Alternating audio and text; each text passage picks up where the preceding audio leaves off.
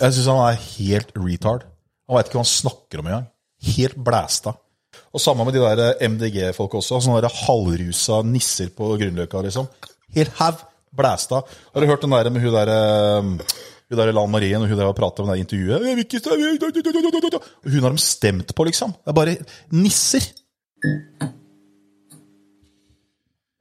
Endelig ny episode. Forrige var 100 shots øl på 100 minutter. Eh, jeg gleder meg rimelig til den her òg, fordi vi har eh, Dr. Botox, som dere ser. Eh, og for at alt skal bli helt optimalt, så har vi nå fått fuckings 70 kameraer her. Ett som filmer hver av oss. Ett som zoomer inn på kvisene til Snorre. Eh, vi har pulsmålet på Snorre. Vi har ja, Vi har bare utstyr for faens 100 000 her nå, sikkert. Så det er helt sjukehus hvor bra vi har sett respons og tar det til nye nivåer, boys. Så Nå satser vi. Nå satser vi som nå satser vi som faen. Og det ser vi på gjestene òg. Dr. fucking Botox! Joakim Jones. Dette blir, dette blir helt sjukt. Men for at det skal bli bra Vi hadde jo Det, det er en fellesnevner her for hver podkast, og det er at du har drikket. Jeg trodde Nei, nei, nei. jeg, jeg, jeg trodde det, du ikke Det er bare noe du har Nei, putta nei, nei, nei, nei, nei, fordi jeg trodde ikke du drakk på, på Groggy Men. Men så sa Jølle at du, du satt på dass og drakk eh, et par Ringnes Nei. før podden.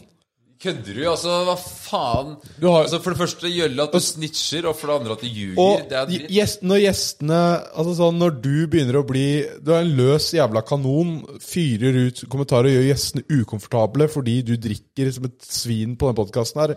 Jeg kan ikke ha deg drikkende med promille, og derfor har jeg gått til innkjøp av en alkoholtester, boys.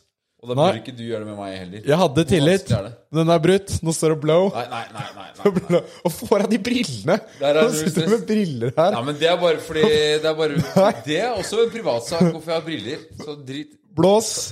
Hvor da? Nei, inn i Og nå ringer Botox. Inn i den, ja.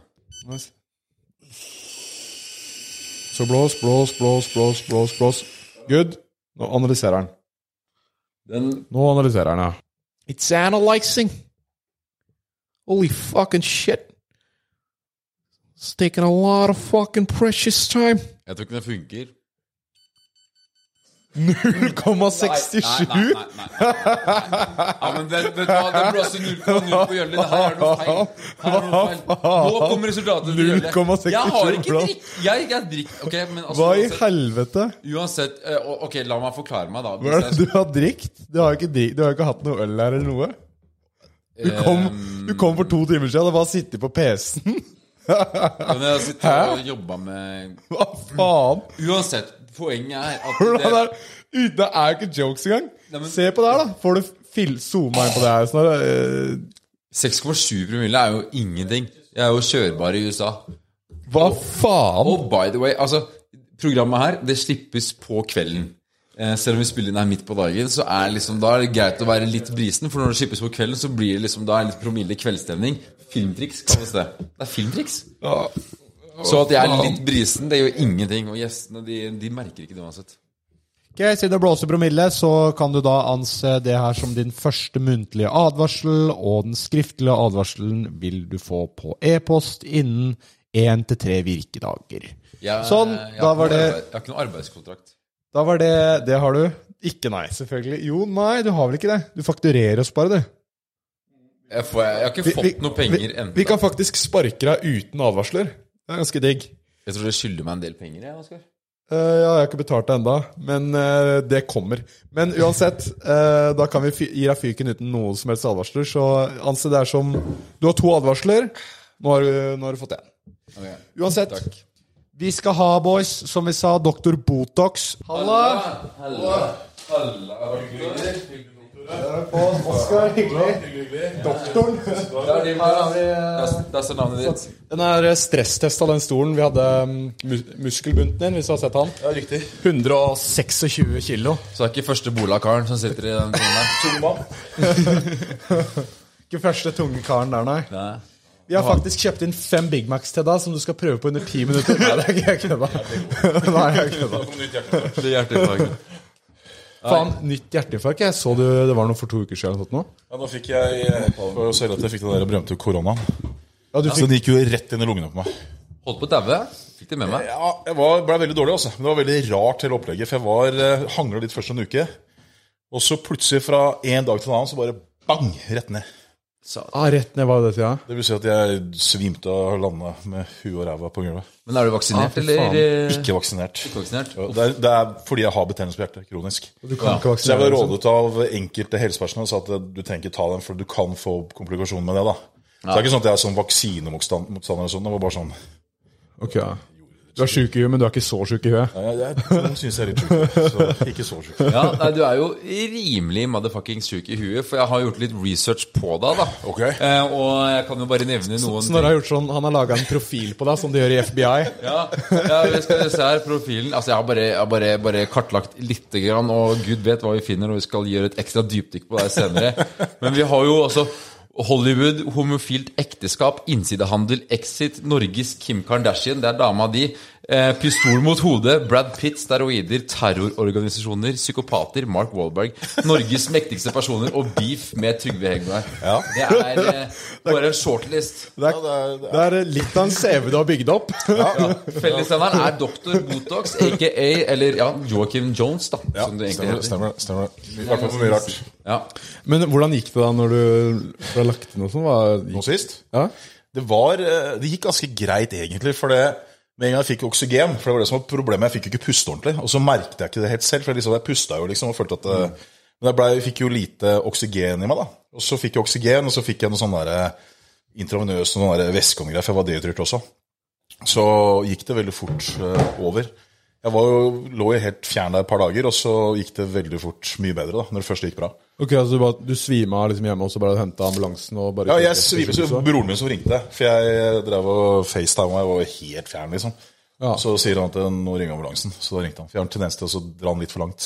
Du gidder ikke å stikke til legen, nei? Så jeg, nei, jeg, jeg, jeg, jeg bare dumte meg, vet du. Jeg burde jo med en gang jeg er dårlig, burde jeg ringe legen. Men jeg har en tendens til å bare tenke at du går over. Ja, fuck it. Ja, så det skjedde at jeg fikk hjertefarge også, så kjørte jeg inn til eh, Kjørte jeg selv inn til uh, legevakta. Med hjerteinfarkt? Ja, og så For jeg var litt varm i brystet og hadde vondt, og så bare bare «Æ, verre, verre. Så, Fy faen. så det er liksom en tendens til å dra den litt for langt. Da. Men Du er jo litt ekstrem kar, da.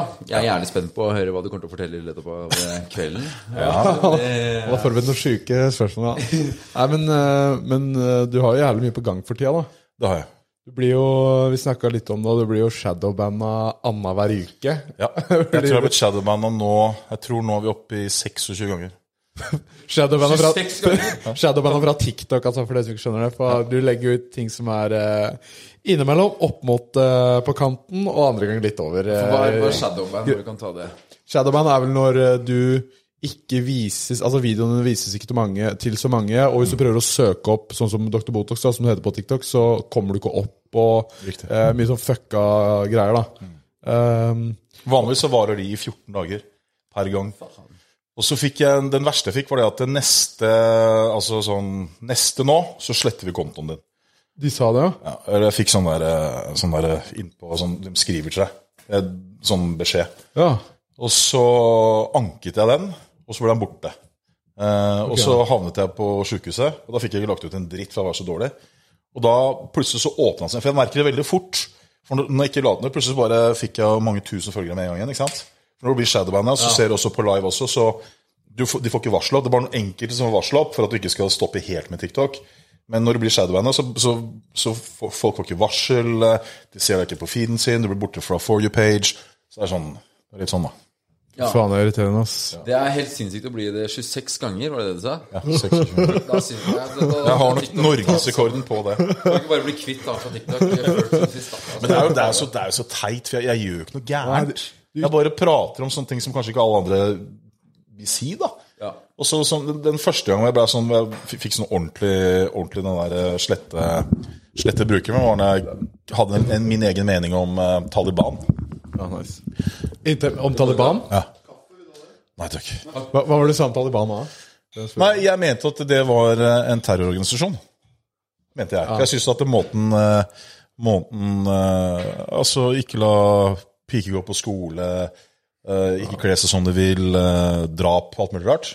så var det da hatytringer som jeg fikk beskjed om at jeg gjorde. da. Har ikke du opplevd Taliban Opplevd i, i, i Manhattan Uh, skole? eh, Nei, Ja, men for du var jo en av de eneste Eller ikke en av de eneste, men en av få nordmenn da som faktisk var i New York når 9-11 skjedde. Var det ikke det? Var det ikke det? Nei, jeg var der, jeg var der, eh, jeg var der eh, rett etterpå. Ah, fader Uland. Rett etterpå var jeg der. Okay, jeg var Hvordan, hvordan stemning var det, liksom? Det var ganske Det var uh, ganske spesiell stemning. Uh, nå bodde jeg ute i New Jersey, rett utafor New York, der, for jeg gikk jo på acting school på Broadway. Eh, men det var Du merket at de var veldig lite glad i, i Hva skal jeg si asiatere, da. Veldig. De så veldig Ja, altså asiatere, altså da mørkhudede, da. Typisk ja. pakistanere og indere og sånne type ting. På grunn av Ja, terroren. Midtøsten. Ja. Asiatere. Altså, de liksom var full aggro på det folkeslaget, liksom? Ja, når jeg var der, var det det. Fy faen, det er sjukt. Fordi de var så såra. Det var, det var, ja, det var liksom rett etter det skjedde. da. Faen. Ja, for byen var vel en sånn slags sorg, da, nesten. Eller sånn satt ut, liksom. Ja, det var det. Absolutt. Så jeg fikk jo roller og sånn på TV-serier og sånn, men så fikk jeg, ikke, fikk jeg ikke green card. Og så kunne jeg ikke gå på sånn kunstnervisum, som de kalte det, for jeg hadde jo roller, jeg hadde jo kontrakter og sånn. Men problemet var at jeg, jeg fikk heller ikke signert kontraktene, for jeg hadde ikke sånn social security number. Så jeg satt der med kontrakter, og alt var klart, men så fikk, jeg, fikk de ikke lov til å ansette meg. For det, Tidligere så kunne du gå på noe som et sånn kunstnervisum, Ja. for å, og det kan du nå. Men når det var det terrorgreiene, så, så alt som var utenlandsk, stoppa dem i døra. liksom. Du fikk ikke lov. Med mindre du fikk sponsorship. Og det kunne jeg få som snekker. Eh, men ikke som actor, Ikke som actor, for det, er, det var innenfor kunst. Og det var mange som mente at det, det var et smutthull for folk også å komme seg til USA på. Og det var det kanskje. Men, ja, for du, du, hadde jo, du var jo ferdigutdanna skuespiller og hadde agent, og alt var liksom lina opp og klart. Men Altså, når jeg dro til USA, fordi ja, når jeg dro til USA, så fikk jeg jo Jeg dro til USA først og fremst for jeg fikk masse roller og sånn. Eh, for jeg fikk jo manager og agent før jeg kunne en dritt om skuespilling. Fordi du var jævlig ripped og sånn, var det ikke Det var sånn? bare det det var det, det, det, var bare det, det var. Jeg, jeg vant noen konkurranser og så ut som jeg gjorde. ikke sant? Og så, og så sa han at kom over hit, vi har eh, ting til deg. Eh, Møte opp. Og så gikk jeg på auditions og sånn på noe som het Guiding Light, blant annet. Så det er sånn- nesten samme som Young and the Restless. Det er sånn såpeseriegreier. Og så ble jeg innkalt til Four Models og mye sånne greier. Og da fant jeg ut at da var jeg en dverg, for alle modellene var tre hoder høyere enn meg. Så jeg måtte bare pakke og gå. Men i hvert fall så, det, det var liksom sånn det var, da. Eh, og så gikk jeg da på eh, Og jeg kunne jo ikke skuespille, ingenting. Men det var liksom kun sånn som jeg så ut. Og så var jeg så ung. Jeg var bare et par og tjue. Eh, og så var manageren min var da en sånn kjent sånn, sånn der, talentspeider som var sånn skuespillercoach. Wessler, var det den het? Han het uh, uh, eh, eh, Wayne Gasser for Ja. Gasser Group. Acting from the heart. Og han var jo faen meg så bilde av han på Instagram sånn med altså, Representant med, for Kevin Bacon og alle de gutta der. Ja, Ja, stemmer. Og liksom eh, kontakter med fuckings Mark Wahlberg og Ja, ja. Pitt og Ja, Du er jo skikkelig indre, Jonah du. Hill. ja, ja. Ja, Ja. Hill og Ja. Så kjent, kjent fyr. Men eh, hadde dere en nær relasjon, eller hva gjorde du egentlig når du eh, ikke fikk green card i USA? Da sa han til meg da at eh, vi kunne gifte oss. det var det som skjedde. Og jeg, som jeg er, yes, let's do it. Og så Sug litt kukk, du, for eh, Jeg gjør det som må til for å lykkes. Så, så, det, så det var det som eh, satte i gang prosjekt rundt det. Og da kunne vi gifte oss, jeg tror det var i, eh, i eh, Nevada eller noe sånt, da, for der var det lov til å, å gifte seg som homofil. Eh, og så var jo ikke da min familie så jævlig for det. ja. det, det er sånn, ja. Ja, jeg gir faen. Jeg hadde gjort det. Eh, men så var det mye frem og tilbake. Da, så endte det opp med at eh, vi engasjerte en advokat som het Carlos, som var ekspert på liksom å få inn eh, folk inn til landet. da. Eh, og eh, Så vi, vi, vi engasjerte det, og så måtte jeg tilbake til Norge pga. hvis jeg er overstayed, eh, liksom tiden min er borte, så kunne det gå utover eh, videre søknader. Så det ikke kom inn igjen. Det var veldig strengt på den tida. Og så holdt jeg på med det i et år og søkte frem og tilbake og frem og tilbake og frem og tilbake, og frem og tilbake, og så ramlet det inn i finans. da. Så det var sånn det som skjedde da. Ja, så mens, mens du måtte var her hjemme og, og venta på det, Ja, liksom, det var bare venting, ja. Ham, ja, for da Det hørte jeg du Du var jo på Wolfgang òg. Ja. Da hørte jeg du snakka om at da fant du bare et blad, og så eh, Hvor det sto sånn Ja, du kan tjene raske penger, liksom. Ja, Det som skjedde var at de gikk på Nav, og så hadde de sånne tavler på Nav før. før alle, det var PC-er også, selvfølgelig. Jeg er ikke steinaldergammal. Men det var, det var sånn tavler sånn derre Skrevet i stein, liksom. Ja. Og så var det sånn derre sånn, sånn, sånn der, Sånn som du ser på film. Sånn der visittkort som bare tjing, Så ser jeg på det kortet. Så tar han opp, og så 'Vil du tjene mye penger?' Og så tenkte jeg faen, det vil jeg jo, liksom. Jeg har jo ikke noe jobb, jeg har jo ingenting. Ikke har noe utdannelse, jeg skal bli filmstjerne. Det var min plan. Og så vil du tjene mye penger, ring dette nummeret, og du har muligheten for den riktige personen. Standard uh, salgspitch. Og så var det et sted som het Akta. Og da dro jeg rett ned dit, og så begynte jeg da som møtebooker, da. Ja, Uh, Det var du god på, har jeg skjønt. ja, det var jeg god på. Ja, Det har du sagt, i hvert fall. Ja, jeg blei til og med politianmeldt tre eller fire ganger. Da er du råest. Da, så du er ikke rå før du blir politianmeldt. Nei. møte, liksom. Ja, for de, de, følte seg for, de følte seg truet til å komme på møte. De følte at det kunne skje noe hvis de ikke møtte opp. Det var jo ikke det i det hele tatt, ikke sant? Så, det var, men det var jo, så det var akta, da. Men hvordan er det du gjorde at de følte seg trua? Eller hva er din hemmelighet da, til å booke møter? Det var bare at de følte seg så forpliktet at de følte at det var eh, ekstremt viktig at de møtte opp. Eh, og jeg er ganske Hva skal jeg si? Ganske på. Jeg er veldig på. Uh, og uh, det var ikke noe sånt, det var ikke noe trussel inne i bildet. Det var bare sånn at, at Vi pratet om det var om å gjøre å få folk inn på investering i eiendom og så bli kvitt formuesskatten osv. Og, så videre. og da var det sånn at jeg fortalte at hvis ikke dere møter opp, så, så, så på en måte så kan du gå glipp av veldig mye bla, bla, bla, bla, og kanskje betale for mye skatt for alt hva du gjør nå. Mye sånn greier. Og så når jeg ringte, så fikk jeg jo da flere hundre navn som jeg ringte hver dag. Ikke sant? Så du visste jo ikke helt hvem du snakket med. Du bare visste at de var hvor- hvor- alder, hvor de bodde, og så kom det fram med pitchen, ikke sant? Og noen ganger så traff du jo da noen eldre mennesker også, ikke sant? For vi visste jo ikke hvem de var. Og da er det vel, de som anmeldte meg, var ofte litt eldre, ikke sant? så det var ikke sånn veldig bra. Jeg var bare et par og tjue år liksom, og ga fullt jern. da. Ja, eldre konfliktsky damer, liksom. Ja, Det var vel egentlig det det var. Det er ikke noe skryt av det, men liksom, eh, så det endte alltid bra. Det var bare Nei, det går helt fint, liksom. Men noen av dem er jo, skal liksom føle seg litt stressa, tydeligvis. da. Ja, Det var bare Joakim Jones som ringte. Det var ikke Yes. Balkan Inkasso som så på døren. nei, nei, nei. Ikke, ikke noe sånt. da. Jeg var alltid hyggelig.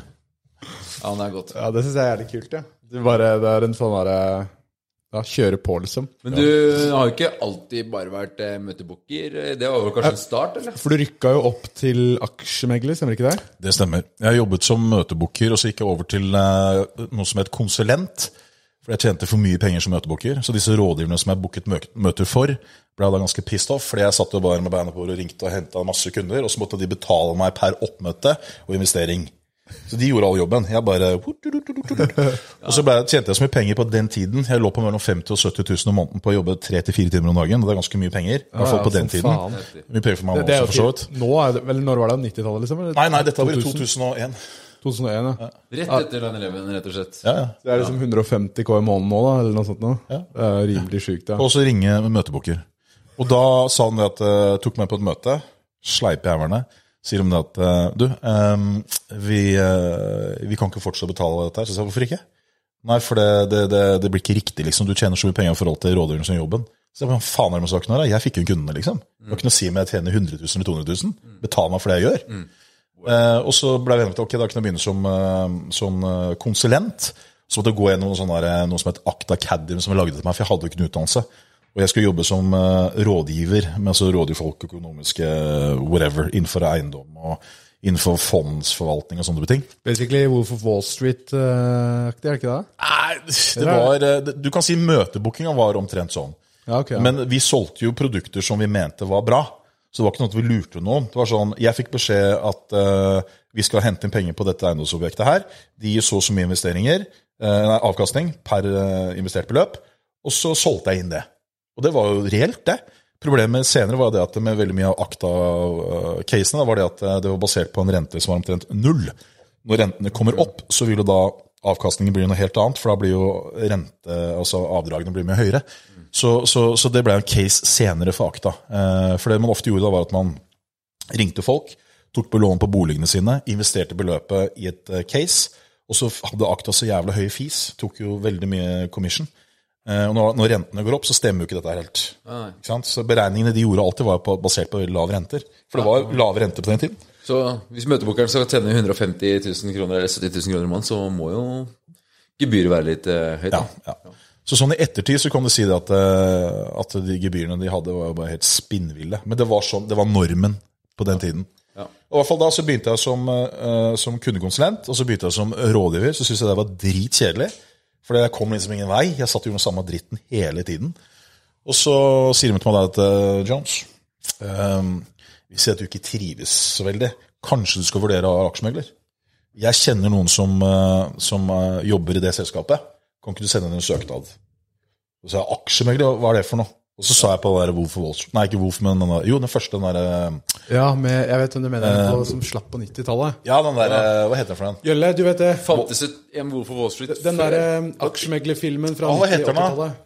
Den med, med, Nei, nei, det var jo Søk, finanskrisen. søk med eh, Michael Douglas, er ikke det? Den er et aksjemeglerfilm. standard. Hva heter den for noe? Wall Street? Ja, det var noe sånn Wall... Heter det ikke bare Wall Street, da? Jo, Wall Street, ja. Med han uh, Michael Douglas? Hvem er det de spiller? Fordi de spiller en sånn kjent uh, fyr. Charlie Sheen, ja. Charlie Sheen. Ja, Det er den der, ja. Så jeg på den. og aksjemegler har jo veldig sånn kult renommé da, Ja, å være. for- det for er det jo er spenn, spenn, spenn, flus mad, Ja, det er jo. Ja, det er sånn som er fett. Ja, men det, det var liksom sånn of Så så jeg på det, og så at det var Runker til penger og det er var, eh, var, det var action, ikke sant? Det er en actionfyr. Ja, Jordan Gekko. Ja, Gekko, det der det kommer fra. I hvert fall så så jeg på den filmen og tenkte fy faen, dette var fett. Og så, og så sendte jeg en søknad. For det, han ene som, eh, som jeg sendte søknad til, jobbet tidligere med de i Akta, eller hadde i hvert fall en forbindelse der. Eh, og de tipset han, om meg, at jeg hentet inn så mye kunder og, og mye sånne ting. At det er liksom salg. Salg, salg, salg.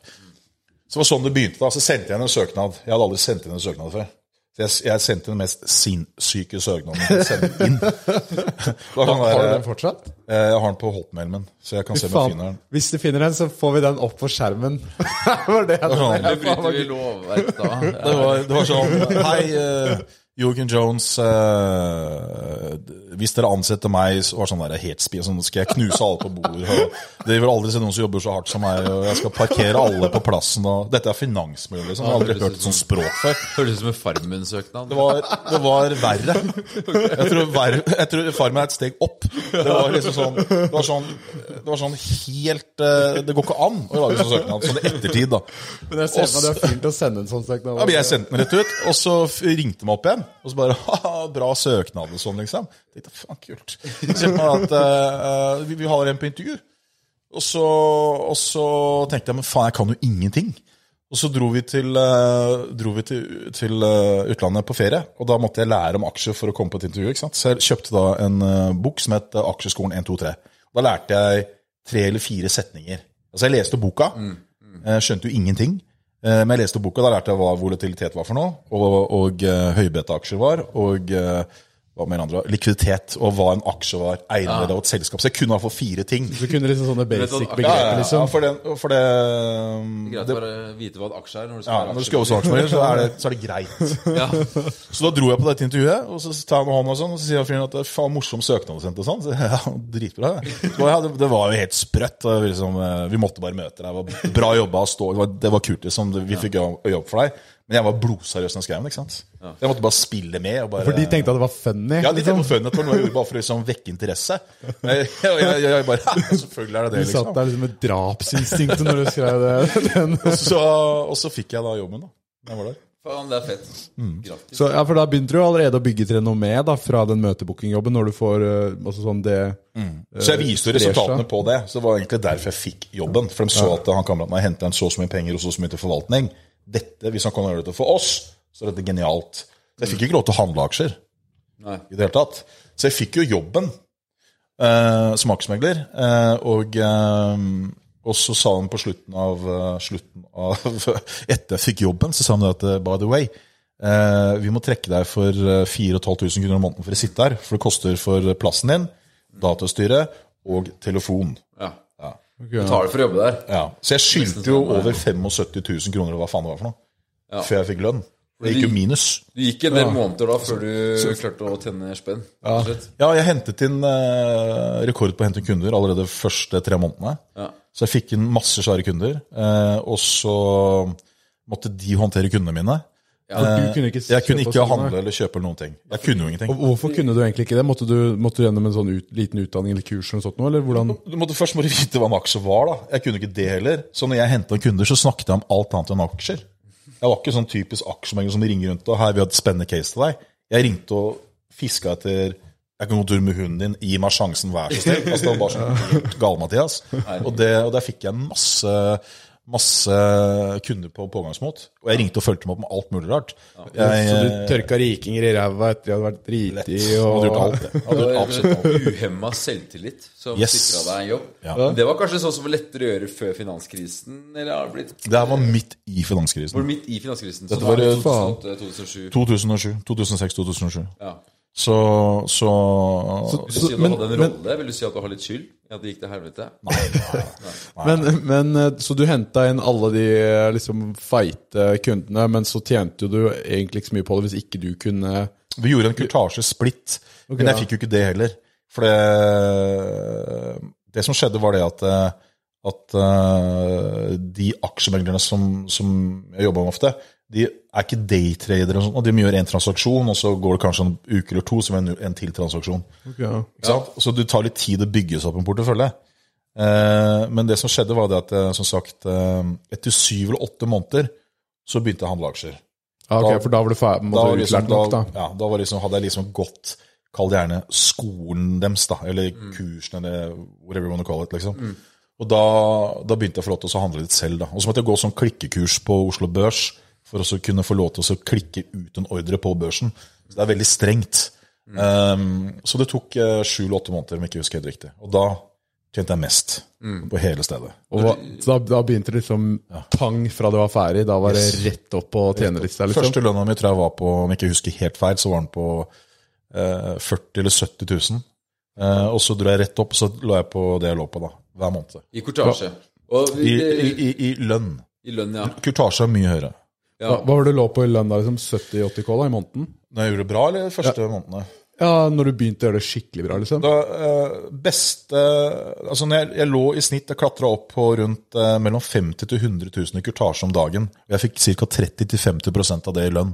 Jeg begynte på 30% og så klarte jeg å krangle meg opp til 50 Fy Hva- fy faen, da, da blir det Det ganske det helt- stygge summer du tjener etter hvert, da. Helt ekstremt. Hva, hva, så da var du lå på liksom de sjukeste månedene da? Jeg lå på 1 til 1,5 millioner i kurtasje. Å, fy faen! hva, hva er kurtasje, for de som ikke har peiling på det? Provisjon. Det er en, en sum per transaksjon.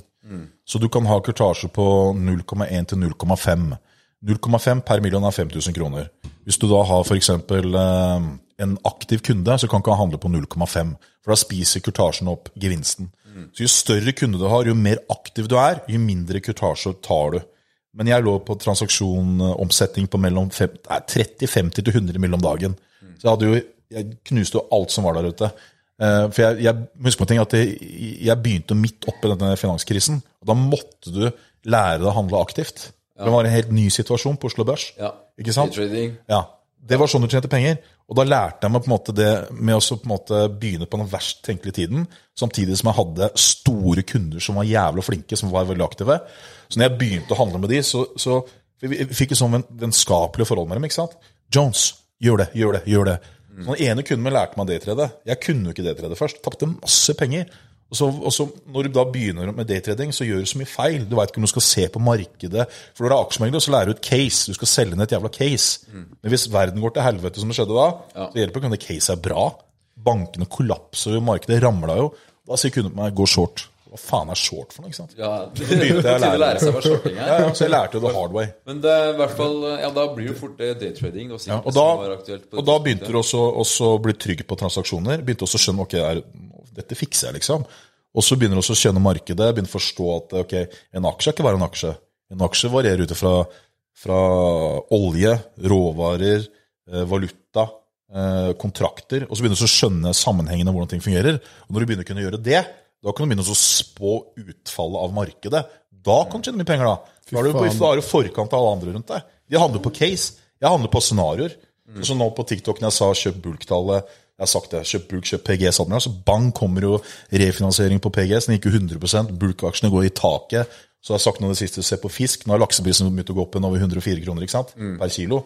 Fy faen. Nå kommer du bare med tips. Før så faktisk trada du for folk. på en Ja, måte. ja før så var det det jeg levde av. Ja, og nå gidder du ikke det lenger. Nei, eh, helsa mi har ikke vært eh, bra nok til å jobbe med finans eh, i den grad jeg gjorde. Eh, og eh, Så derfor har jeg ikke gjort det. Så jeg har ikke jobbet med daytrading og aksjer på sånn fem-seks år. Okay. Men når du, for det syns jeg er litt sånn kult, når du går fra liksom eh, å jobbe som faen og ikke tjene så mye, liksom bare stange imot da, de første månedene der, og så når det løsner opp og begynner å gå bra, og jeg hørte han eh, når du var på Wolfgang der, så begynte du å dra inn en halv million til en million i måneden eller noe sånt. Stemmer? Og da, den livsendringa der, den er, det er jo mange som drømmer om den, liksom. Var det, brukte du jævlig mye penger på byen, eller kjøpte du mye greier? Hvordan var det liksom endringa fra vanlig mann i gata til plutselig en rik mann, liksom? Jeg hadde ikke noe liv, da. Og det var ikke sånn som du ser på, på TV fløy ut og festa sånn. Nummer én, jeg drakk ikke. Jeg bare bola som et helvete, det vet dere jo. Så det eneste jeg gjorde, var å spise ris og mat og kylling og sitte og jobbe hele tiden. Og så ble jeg litt manisk. Fordi jeg ble manisk på å kunne klare å slå mine rekorder hele tiden. Ja. Så jeg hadde ikke noe sånn der liv utenom å trene og så Men Husk på at jeg har jo ikke noe bakgrunn i finans. Bare jobb 24-7, da. Hele Liksom. tiden. Så det jeg gjorde for oss å bli god og Man kan gjerne tulle med det, men det jeg gjorde da, var at jeg hadde jo angst for ikke å gjøre det bra. Jeg var livredd for å miste jobben min. Så det jeg gjorde da, jeg møtte opp på jobb kjempetidlig. Fikk med meg alt av nyheter. Jeg kunne jo ikke jeg skulle lese nyheter igjen. Alt. Alt. Everything. Ikke sant? Og da leste jeg nyhetene, og så snakket jeg med kunder utover natta. For at de skulle lære meg. For de, huske på ting, altså, dette er salg. Ikke sant? Når en person er interessert i det du har å si, så vil den gjerne tømme seg. Det er for store investorer også. Hvis de, hører, hvis de har en megler som de kan på en måte fòre opp i masse informasjon, da føler de seg litt mer sånn verdt. Og Så får du sånn genuint vennskap med dem, og så blir det et samarbeid. Om du har sånne kunder som jeg hadde, de kunne mye mer enn meg. Jeg var en megler. Det jeg gjorde, var å megle, videreformidle informasjon til kundene mine. ikke sant? Så De elsket å ringe meg og gi meg tips og alt mulig rart. Det var sånn det begynte. Og de gutta jobber også hardt, og de ringer når faen de vil. ja, men det, det er jo det er liksom eh, Det bare blir sånn. Og da ble det at jeg jobbet mye mer enn alle andre. Da hadde jeg mye mindre fritid. Så når jeg tjente så mye penger, så var det ikke sånn at jeg brukte mye penger. Det jeg gjorde da, med pengene mine, var at jeg kjøpte meg et sted å bo. Kjøpte et hus. Det var det jeg gjorde. Og så kjøpte jeg, eh, kjøpte jeg noen helt bedritne elbiler. Sånne bitte små buddy-jævler. Det liksom det. Det. De norskproduserte? Ja, men det var, veld- de var genialt på den tiden, men det gikk jo faen meg tom for strøm hele tiden. Du var litt for tidlig ute. Jeg var altfor tidlig ute. Ja. Helt kaos. Men. Fy faen, så, ja, fordi det, det, vis- det man ser da, som gutta liksom eh, romantiserer og drømmer om, er når man ser Wolf of Wall Street og drar opp telefonene og tjener penger og runker til penger på Ja. dass og, Og- og ut og ja. Og Exit, ja. Ja, ja, ja. Du har noe sånn også. Fordi jeg vet at du vet hvem som er i Exit. Ja, vet om, eh, vet om noen av dem, ja. Han ene var, han ene var kunde av meg. Var Og det en kunde av deg. Og de, de, de tjener seriøst så mye penger og sånn, liksom? Eh, han ene som var kunde av meg, var vel strengt tatt uh, Jeg jobbet jo med en partner, og de var gode venner. Og uh, det var kunden hans, men han ble da indirekte min kunde. Så jeg snakket med han ene kameraten som er liksom basert på Exit, snakket jeg med ganske ofte. Men jeg hadde ikke en sånn veldig relasjon til han. Men, så jeg vet om han ene er. Og så han andre Jeg vil ikke si hvem de er. Og han ene jobber fortsatt i finans. Er de kule på fest? Jeg har aldri festa med dem. Bare, jobb, bare jobba med dem. Seriøst. Du kunne vært Hatt en birolle. Så, men, men, Det er er, mitt mål. Bare. men, men det er bare er det liksom Hvor, hvor uh, forankra i virkeligheten vil du si det er, på en måte? Selve så- altså serien, liksom. Ja, serien, ja. Det er veldig fjernt. Men du har enkelte sånne utskudd som er like gærne. Og jeg vet noen flere investorer som er sånn som det der. Enn meglere. Som er helt klin koko. Som bruker, Verre enn dere ser på Exit. som bruker 100 000 i måneden på kokain og Jeg veit om noen som er helt ekstreme. Som er, var, i hvert fall var det. ja. Men det, det er da investorer, ikke meglere. Som er helt Helt der. er Fordi investorene er vel de som tjener største størstedelen av penga, og så får meglerne på en måte deler av det de bidrar med. Så kommer det an på om du gjør aksjetransaksjoner, corporate eh, investeringer, plasseringer osv. Så, videre. så du får betalt eh, Som aksjemegler så vil jeg påstå det er kanskje den mest betal, eh, dårligste betalte du kan få, for da får du bare en lite prosent av innsatsen. Du får ikke noe av selve avkastningen. Nei, men du har jo ikke risikoen med å tape penger heller, da. Ikke i det hele tatt. Nei, det har jo investorer. Du kan bli trua av. Du. Hvis, du- hvis, du- hvis du gjør noe dårlig, ja. For det har du vel blitt. Jeg har vært med på litt av hvert. Fortell om eh, da du nesten ble drept av en god kompis. eh, Jeg ble ikke tenkte på det på jobben. Eller i hvert fall pistol sånn mot hodet. Eh, jo, det skal si, det skjedde jo ikke noe, bare si det veldig, for han kan sikkert følge meg her nå. Men eh, det var jo en, en case hvor uh, han ringte når han skulle en, uh, gjøre en ordre. Og så ble ikke telefonen tatt. Uh, og, så, og så mente han at det, det var, var Jeg husker ikke helt åssen det var, men jeg mente For han at skulle selge? Det var vel det han ja, han skulle selge, og så fikk han ikke solgt aksjen, for det er ingen som tok telefonen. Ja. Og, så, og noen ganger så er det sånn at en annen megler er opptatt med en annen kunde. Du kan ikke alltid svare telefonen. Du svarer når, altså Hvis jeg er kunde med en telefon, så kan jeg ikke bare legge på. Jeg må prate ferdig med han. I hvert fall så, så, så gikk han glipp av jævla mye penger, da. Og da mente han det at, eh, at eh, det der var ikke greit. Nei, takk. Jeg drikker brus, jeg, vet. Ja, Og så Pepsi, vet. Og så, og så svarer han ene kollegaen Nei, ja, vi tar det neste gang. Og det trigga han kameraten noe jævlig, for han hadde tydeligvis krangla med kona si. da. Så endte det opp med at personen eh, møtte opp på jobb plutselig med en eh, koffert. Så skulle han ha møte. Han, jeg bare sier det veldig godt. Eh, Jeg liker han, var sånn jeg sagt. Og så, ja, så endte det med at han sitter der og så drar han opp en koffert, og så tar han opp noen noe greier og noen greier, og så ser vi på hva faen skjer nå. Og så plutselig så drar han opp den jævla gunneren og kaster den rundt. Jeg bare okay. Han skøyt òg? han bare flekka den opp Flikker den opp. Sånn. Helt Kevin Lauren-vibe. Sånn, ja, omtrent sånn. Og bare vifta den rundt i rommet, liksom? Ja, sånn, og så dukka jeg, og så ser jeg på hva, og så roer ned situasjonen. og ja, Det var en, en, noe greier som skjedde og skjedde. skjedde, skjedde. Eh, Jeg vil ikke si alt, men i hvert fall, det endte bra. Det, gjorde det. Men det var en av de mest skumleste opplevelsene jeg har hatt på ang- angående sånt. da.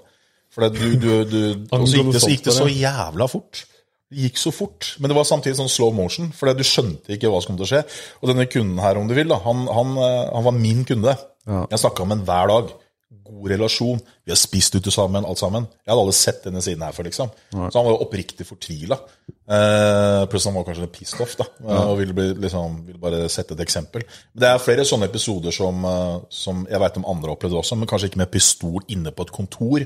Men du, du opplevde mye rart. Ja. Og det, ja, det kanskje videre dyrker jo den angsten om å ikke prestere på jobb, da. Ja. Hvis du, du, du har frykt om å, om å få sparken, og så, hvis det går dårlig, så får du også en Du skal tåle litt av hvert som, eh, som megler. Ja, som faen. Jeg har fått angst hvis du hadde begynt å true meg med pistol hver gang jeg tester positivt på alkometeret. Snorre er jo ansatt her, vet du, så vi Så han drikker jo som en jævla sjømann, og truer han jo med Eh, sparken hver gang vi har den podkasten her, men kanskje det er eh, en Glock jeg må dra til med? Ja. Du må dra på Er det det jeg må gå til? Ja, har vi ikke en eh, Where's my gun? Jeg slutter ikke å drikke før jeg Jesus blir skutt i huet. Nei, nei, nei, nei, nei, ikke noe pistol. Where Ikke the noe pistol. fuck is my gun? Ikke noe gatter her nå. Ja, men When I'm altså, in da- need of some fucking protection. Da står jeg i en gravøl der fort som faen. Jeg kommer bare til å legge den her, Bare la den ligge der. og så bare ligger den der. Trenger ikke gjøre noe, må ligge der. Da, da oppfører alle seg bra. Det er null stress. Jeg er ikke redd for pistol. Jeg har vært i Forsvaret. Ja. Tenker jeg du oppfører deg. Ja da. Ja, da. Men uh, Joachim Jones Oh, yes, my friend. Da vet jeg Jeg ikke noe vet seriøst jo- når han sier hele navnet. Da er det, nå kommer det. Nå kommer det. Mr. Joakim Jones. Eh, Sahar Sargol. Saragol. Saragol. Hun er fra Kongsvinger. Eh, Kjæresten- jeg kjæresten til Joakim, altså. felles venner med hun. Vi er like gamle. For det er dama di, bare sånn at de som, de som følger med, også skjønner Det er dama er dama til Joakim Jones her, eh, aka norske Kim Kardashian. Eh, enorm på Instagram. TikToker. Ja, Hun har eh, slutta helt med Instagram. Jeg sier det til deg. Hvorfor gjør du det? Ja, Hun har posta det? én gang på to år. Kan du ikke bare liksom vise at Ja, eh, du henger med meg? Det skal jeg gjøre. Eh, Men det jeg lurer på er liksom Hun er jo åpenbart eh, top shelf eh. Så jeg lurer på liksom hvordan er det å bare kunne håndplukke de, Være alfamel og bare kunne håndplukke de beste damene? Sånn som du åpenbart har gjort, da. uh, hva skal jeg si, da? Hva skal jeg si? Hva skal jeg si? Det er en god følelse. Ja. Veldig ålreit følelse. Du går og plukker dem. Hei, bli med, liksom. Som jordbær. Null stress. Hva er trikset? Trikset er uh, Trikset er eh, Hva faen er trikset? Eh, nå ble jeg litt usikker her. Det er vel det killer-mindsetet, kanskje? er bare få jobben gjort kostbar. Det som var med Sahar, da, Ja. eh, som er sant Jeg var vel den eneste For jeg, jeg traff hun eh, ute på bursdag til en felles venn. Og så husker jeg Nå ble jeg sikkert litt sur, da. Eh, og så, først så skrev jeg til henne på Instagram. først faktisk. Det som er enda sjukere, var at eh, jeg fant et bilde av Sahar på nettet før. Så sier jeg til en kompis av meg hun dama der hun vil jeg faen meg ha. Hun var så pen. Det er ikke kødd engang. Jeg har, jeg har til og med det bildene liggende på telefonen min. Hadde hadde aldri møtt Du henne før. før. så deg et mål der. Ja, skulle ha ja, det. skal jeg- Og så fant hun henne på, Insta, eh, på Facebook. Og så var jeg bare helt Jeg, jeg skal ikke være Jeg er ærlig. Jeg suger ofte på dette damegreiene. Så det jeg gjorde Jeg satt på hjemme satt og holdt på. Så sendte hun en bikkje av valpen min. Du sendte bilde av bikkja? Ja, jeg sendte bilde av bikkja til hun. Så tenkte, så bare, tenkte jeg, hvorfor gjorde jeg det? Greit, jeg var sendt tilbud den andre valpen, da. Og så, så bare fikk jeg en melding tilbake. Å, fin hund, liksom. Da, ok, nå er vi i gang, da. Og så det ikke bare, så dumt, det, og så, kanskje, og bare, og så husker jeg bare skrev til hun uh, Hei, trener du Jeg vet ikke hva, det var helt random tull. Og så sier hun uh, Ja. Så sier jeg, kom trene sammen en dag? Jeg sier. Og så sier hun ja, kanskje. Og så hørte jeg aldri noe mer. Så gikk det et halvt år. Og så drar jeg på bursdag med en, eh, en felles venn. Eh, og så Og så der var hun. Ja. Og så, og så sier hun plutselig foran alle Er ikke du som har skrevet noe på Instagram? da?» For jeg, jeg sa ikke Ja. noe. Nei, det er ikke meg, se. det var meg. Vi alle visste at det var meg. For hun kjente jo tydeligvis Hun kjente jo broren min også, som var venn av hennes venn. Så de visste jo at jeg liksom melding sant? Så jeg bare Nei, det er ikke meg, å se. Sahar er et geni. Ja. Og så det som skjedde da, på, på slutten av dette bursdagsgreiene For jeg snakket ikke med henne, jeg så ikke på henne, ingenting. For hun fikk jo så jævlig oppmerksomhet uansett. Tenkte at det er bare helt, dette er dritflaut. Sender liksom. bikkja en jævla valp, og var liksom, hva er greia i det, liksom? Og så, går, og så sier hun, hilsen, sier hun uh, gir alle en klem, så bare gjør hun av går, og hyggelig, og blæ, blæ, blæ, ikke sant? Og så går hun på rekker, og alle hilser på hverandre, og ha det, ha det, ha det. Så kommer hun til meg, og så bare går hun forbi meg, ha det til, til resten. Jeg sto der, så jeg var den eneste, første gang jeg møtte hun, som ikke fikk ha det, ikke klem, ingenting. Gikk også ha det til alle, unntatt meg, og så, det var første møte med hun. Hva fikk du av? En klassisk tryne? Eller? Så Hva jeg fikk ingenting. Så det var liksom starten på din Willen-story? Yes. Men det er, eh, Så neste gang jeg møtte hun, så var det litt bedre da. Ja, det, er, det er sånn ofte regla går, da. Men ikke sant, så trikset ditt var rett og slett å sende bilde av en eh, valp. Si eh, 'dette er valpen min', men det er for så vidt jeg som er 110% alfamail her. det var Eh, sånn. så ikke men- få noen mistanker. Det er jeg som er alfaen. Men, og det er mange, mange som gir seg etter uh, der, for der er det på en måte et slag i trynet. Der, uh, det er en kamp tapt. Du har ikke tapt krigen enda, men du har tapt en kamp. Og der er det mange som trekker seg tilbake. Jeg, tror-. Jeg tror ikke, du, tror ikke du kjenner Joakim Jones hvis du tror han gir seg etter et lite nederlag. For hva skjedde etter det? Det som skjedde var at vi traff hverandre ute, samme folka, samme gjengen, et par uker etterpå. Og så, og så var det Fikk høre Sahar-skar der. Og da dro jeg dit. Vi dro på kino først, alle sammen, og så, og så skulle vi ut etterpå. Så sier gutta Sahara er her, kom. Så sier jeg nei, Sahara er singel. Ok, kjørte jeg tilbake. og, så, og så satt vi bare og prata sånn rent tilfeldig, og så bare, bare hang vi etter det. Det var liksom Ja. ikke noe det, bare, det gikk bare bra. Var det på en måte deres tredje date, selv om det var andre gang dere møttes? Mener Ja, var det kanskje det. Var, var var, kanskje det det. var kanskje det, ja. Ja, Third time's the charm, det er da alle knuller. Så jeg, jeg, puler, jeg puler kun på første date, for så vidt. Men ja. folk er forskjellige. så folk er forskjellige. Nei, men du har jo Du har jo vært ute av eh, Hvis vi hopper tilbake til finans igjen, da. Ja. For, for du har vært ute av game en stund nå. Yep. Og nå har du begynt litt med tips eh, på TikTok som eh, har gått jævlig bra. Du tipsa om Jeg husker ikke helt hva det selskapet heter. Det var bulk og PGS, og så var det shipping og containershipping, og nå er det fisk og sånn forskjellig. Ja. Så følgeren din investerte. Det gikk rett i taket. Ja. Men har du noe Jeg hørte noe nyss om at du kanskje skal inn i finans igjen. Eh, ja. Du skal det? Hvordan blir det da den gangen her, liksom? Um, jeg har fått muligheten til å være med på noe som er veldig mye større enn noen har vært med på før. Eh, Så det er med en svær bank. Og så Vi venter nå på konsesjon osv. Så, videre. så det blir internasjonalt. Så jeg kan ikke si så veldig mye mer om det. Det blir i hvert fall at jeg kommer til å være veldig aktiv i aksjer og eh, og det fremover. da. Så jeg gleder meg til det. Men det er på mine premisser. I og med at jeg er mye syk og sånn, så kan ikke jeg jobbe sånn som jeg gjorde før. Så det blir sånn eh, ja, ansvar for trading og, og den type ting. Ja, men daytrading er på en måte ikke helt på bordet lenger, eller? eh? Nja, i Norge så Det er mange som driver med det, men uh, Finanstilsynet er ikke veldig happy for sånne type ting. Okay. Nei, sant, det er For det er ekstremt høy- daytrading nå enn det var før. Det er ekstremt høy risiko. Og så er det også veldig mye høyere intensitet på hvor mye du må følge med, er det ikke det? Du må følge med hele tiden. Ja, så da Ja, for Hvis du daytrader på Du har vel Oslo Børs, som er åpent fra 9 til 4 eller noe, og så har du utenlandske, altså USA eller New Du har Sverige, du har USA, du har Asia. Så det går egentlig rundt hele tiden. Ja, og til de som ikke vet forskjell på daytrading og vanlig trading Nå er ikke jeg noen ekspert, da, for så vidt, men uh, mine barcode-kunnskaper Det er at daytrading, da trader du aktivt frem og tilbake, shorter, gjør hva faen du vil med aksjer. Kjøper og selger på dagen. Ganske hyppig liksom daytrading. Det er liksom på Innenfor dagen, dagen. ja. ja, innenfor dagen. Mens eh, vanlige aksjeinvesteringer, det er jo gjerne at du har poster over en lengre periode, da. Stemmer. det krever jo mindre oppmerksomhet. Sånn som foreldra deres, ikke sant? de kjøper jo fond. Eh, Bestemora di har deg som følger med, har sikkert eh, holdt en eller annen fondsposisjon i eh, 30 år, ikke sant? Mens, Sikkert lenger. Ja, sikkert lenger òg. mens uh, her så kjøper man og selger innafor tidsperioden én dag, er det ikke det? Ja. Jo, det er det som er daytrading. In, intradag. Og det er dritrisikabelt. Vi har jo Vidar Vollvik, eller Idar Vollvik. Idar Våge. Idar Vollvik, som var en av Norges rikeste en liten periode. Han var jo chess-gründer og hele pakka. Stemmer. Han tapte jo flere milliarder, tror jeg, på daytrading i løpet av veldig kort tid. I veldig kort tid. Han lå på stranda og daytrada og var helt eh, idiot i huet. Og Han var med på finanskrisen også, så tapte jævla mye der. Ja, Så daytrading er dritrisikabelt. Det er få som egentlig får det til bedre enn det du gjør long term med Helt riktig. investeringer. Helt riktig.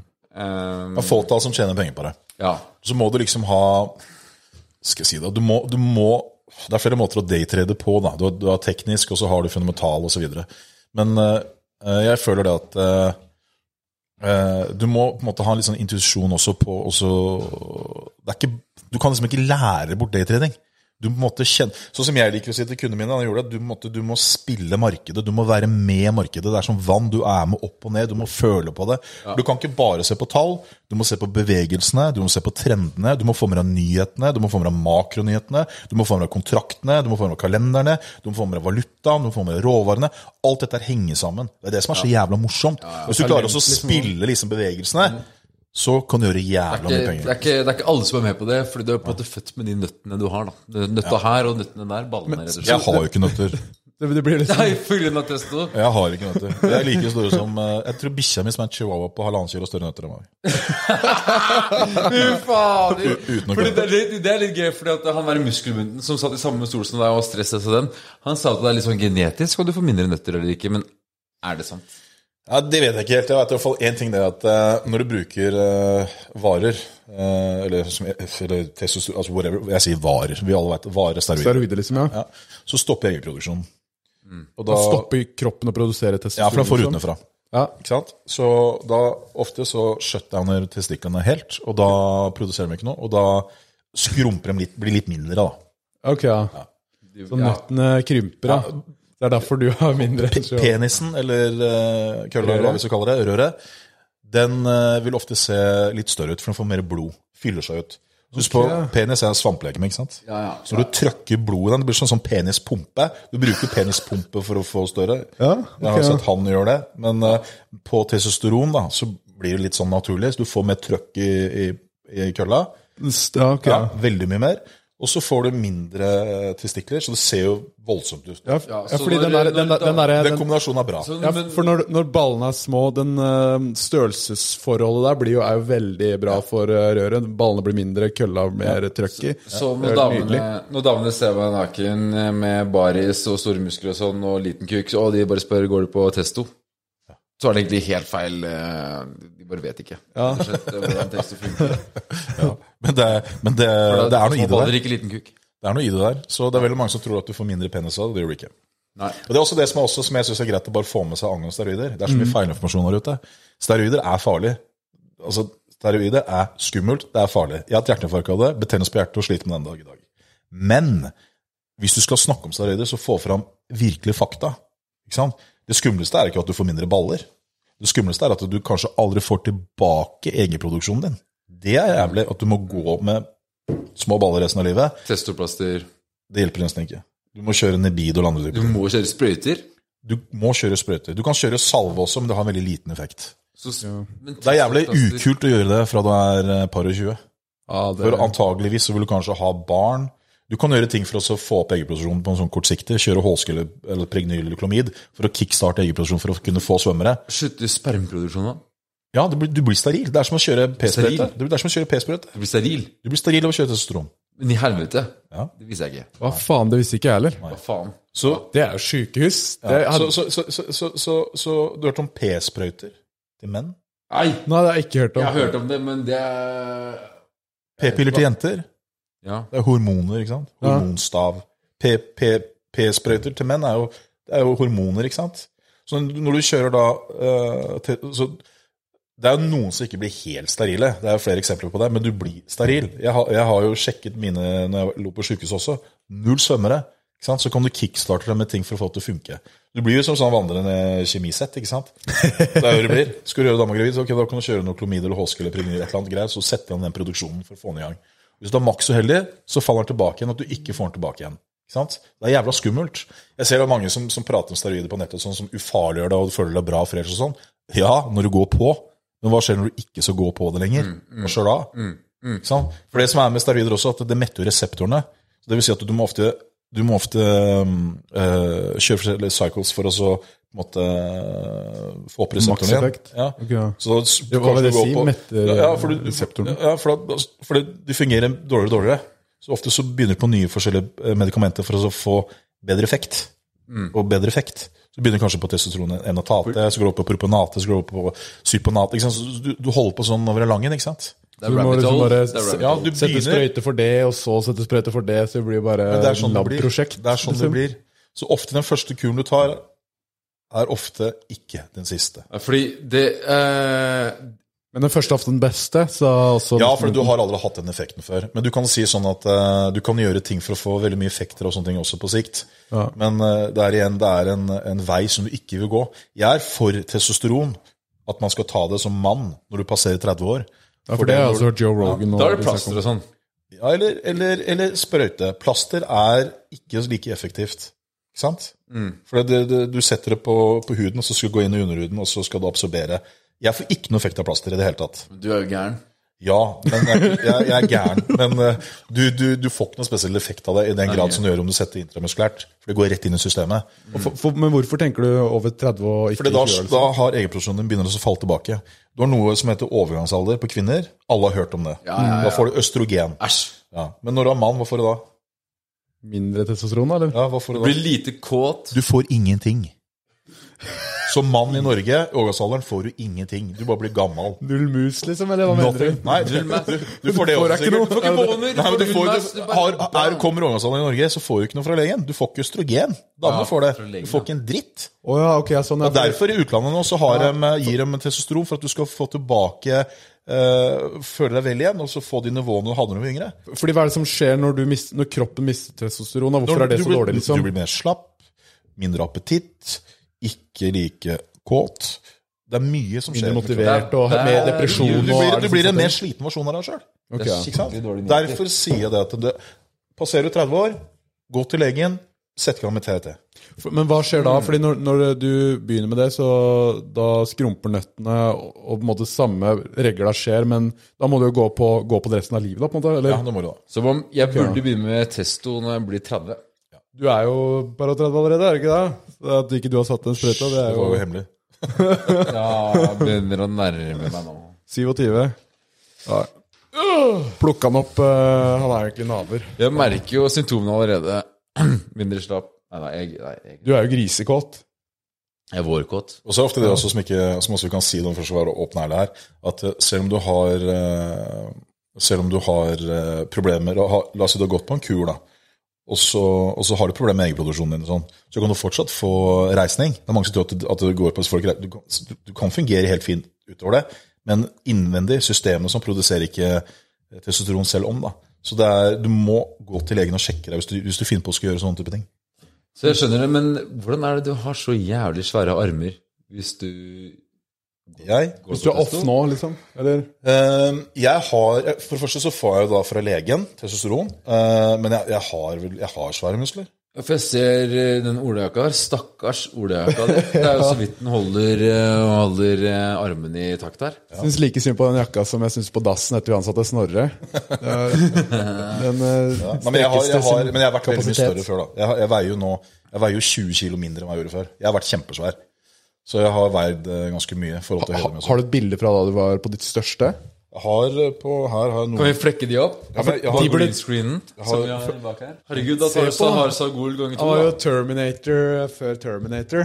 Æsj, hva faen?! Men I helsike, Men- sorry, men- nå skriker jeg, men det er jo fordi det her bildet skriker. Testo. Det her er hissig. Det må vi få opp her. ja. Det får vi opp. Nå må du legge deg flaska, for nå begynner du å bli voldsom igjen. Men eh, ja, ånden din lukter helt hit. Ja. Ja, Red Bull og en eh, Har du noe Red Bull, da? Ikke Red blander Bull, Red Bull og proteiner og pepsi og nøtter. Er Bra. Du vil ha kaffe? Vi Nei, nei, skulle nei, jeg- du skulle ha kaffe. Kaffe er for gamlinger. Jeg er ikke gammel. Nei, det er ikke gammel. Du er ung og Men- fresh. Ung og fresh. Men ja, Hvor gammel er du i hodet? Eh, 27. Jeg har ikke blitt eldre enn 27. Da er vi like gamle. Tusen hjertelig. eh, men eh, jo, fordi da motvirker du litt når du løfter så tunge vekster og liksom skader muskulaturen av å trene, for da føler man seg jo ikke vel. Man, det blir liksom eh, over den eh, Motvirker litt uh, Jo, så blir du litt sånn ego. ikke sant? Det er sånn at du er på gymmet, og så, og så ah, jeg tok det, jeg tøffer litt mer nå, litt mer nå. Så går det en sånn felle at du tror at du må løfte så jævla mye for å få effekten, eller for å få, få den ut av treninga di? Ja. Men i teorien så kan du bare løfte det samme hver gang om du vil, og så heller løfte litt lettere og så ha mer konsentrert. da. Jeg drev hele tiden og skulle bli sterkere og sterkere og sterkere og sterkere og sterkere og trykka på mer og mer og mer, og mer, så det gikk jo alt til helvete. Jeg ble lam i, i, i venstre, deler av venstrefoten min. Jeg sliter med det enda. Jeg skal operere. Jeg skal egentlig operert i oktober i fjor. Lam. Ja, ja, i venstrefoten min. For jeg hadde ja, lam. Jeg hadde holdt på å ryke jeg tror hele ischiasnerven, eller hva faen heter det for noe. Er du lam nå? Nei, nå har jeg mistet, Jeg har, har nesten ikke følelse under foten på venstrefoten min. Så det, det benet her er tynnere enn det benet der. Så det er ikke sånn at jeg, har, det er ikke sånn at jeg ikke trener bein, men jeg kan Jeg må være veldig forsiktig, da. Og det er pga. jeg løfta altfor tungt før, ikke sant? Fy faen. Det var mange sånne derre. Nesten det skjedde. Jo, men jeg har mye nesten sånn. du gifta deg med manageren din i USA. Mye, Nesten. mye sånt. Det, det er sjukt, da. Det er et ganske sjukt liv du har levd, Det står som at akkurat i Matrix du bare dodger kuler. Ja, det minner meg om en ting til. Jeg var jo skulle ta bussen til noe som het TV-show i USA, i New York. Ja. Og da fikk jeg, jeg fikk, For jeg gikk jeg, Tidligere da trente og var sånn eh, boliggutt her i Tete Slemmestad, så hadde jeg på sånn der, sånn sånn der, hva heter det, bandera, eller hva faen for noe, sånn der, Bandana, liksom? Nei, sånn der, sånn, Gikk med sånn blå skeiv som jeg hadde rundt hodet og knøt bak og, og løfta hvert der, liksom. Ja. Og så tok jeg på meg dette her på vei til bussen. Og da ble jeg stoppa av bussjåføren og bare 'Hei, vil du dø?' Så jeg bare 'Hva faen snakker du om?' Så bare, det her er, ja, det her er Bloods-området. Da gikk jeg med Blue. Det var for, for Crips, eller hva faen det var. for noe. Altså, det var gjeng, liksom, var en annen gjeng sin Farge. Å ja. Ja. Så det var også en Fordi opplevelse. Da, da holdt jeg på å bæsje meg. For jeg kjente jo ingen. Jeg, skulle, jeg var med bare på sånn audition-greie, så jeg var på sånn felles buss. Og, og i gatene det her var i, i Queens eller Bronx eller hvor faen det var hen. Og jeg tenkte ikke over det i det hele tatt. Jeg kom liksom fra Norge, da. Det gikk med den der blå skjerfet, da. Det var det dummeste du kunne gjøre, da. Fordi da gikk du med eh, Crips, eh, som er også de blå. Ja.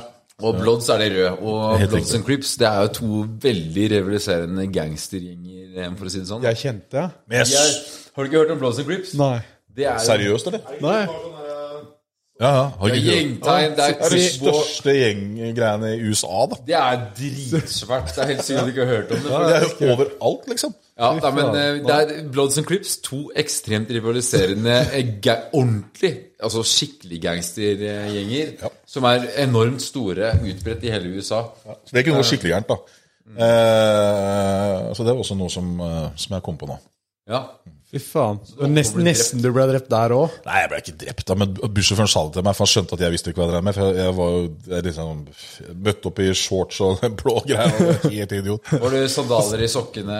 si, sokker i Jeg så var- så folk skjønte at du var turist? Liksom. Du skjønte det var turist, det tror jeg med. Og så neste historie du forteller på neste podkast, var sånn Ja, jeg var med Oskar og han Snorre, og så plutselig drar han frem en pistol og legger den på bordet.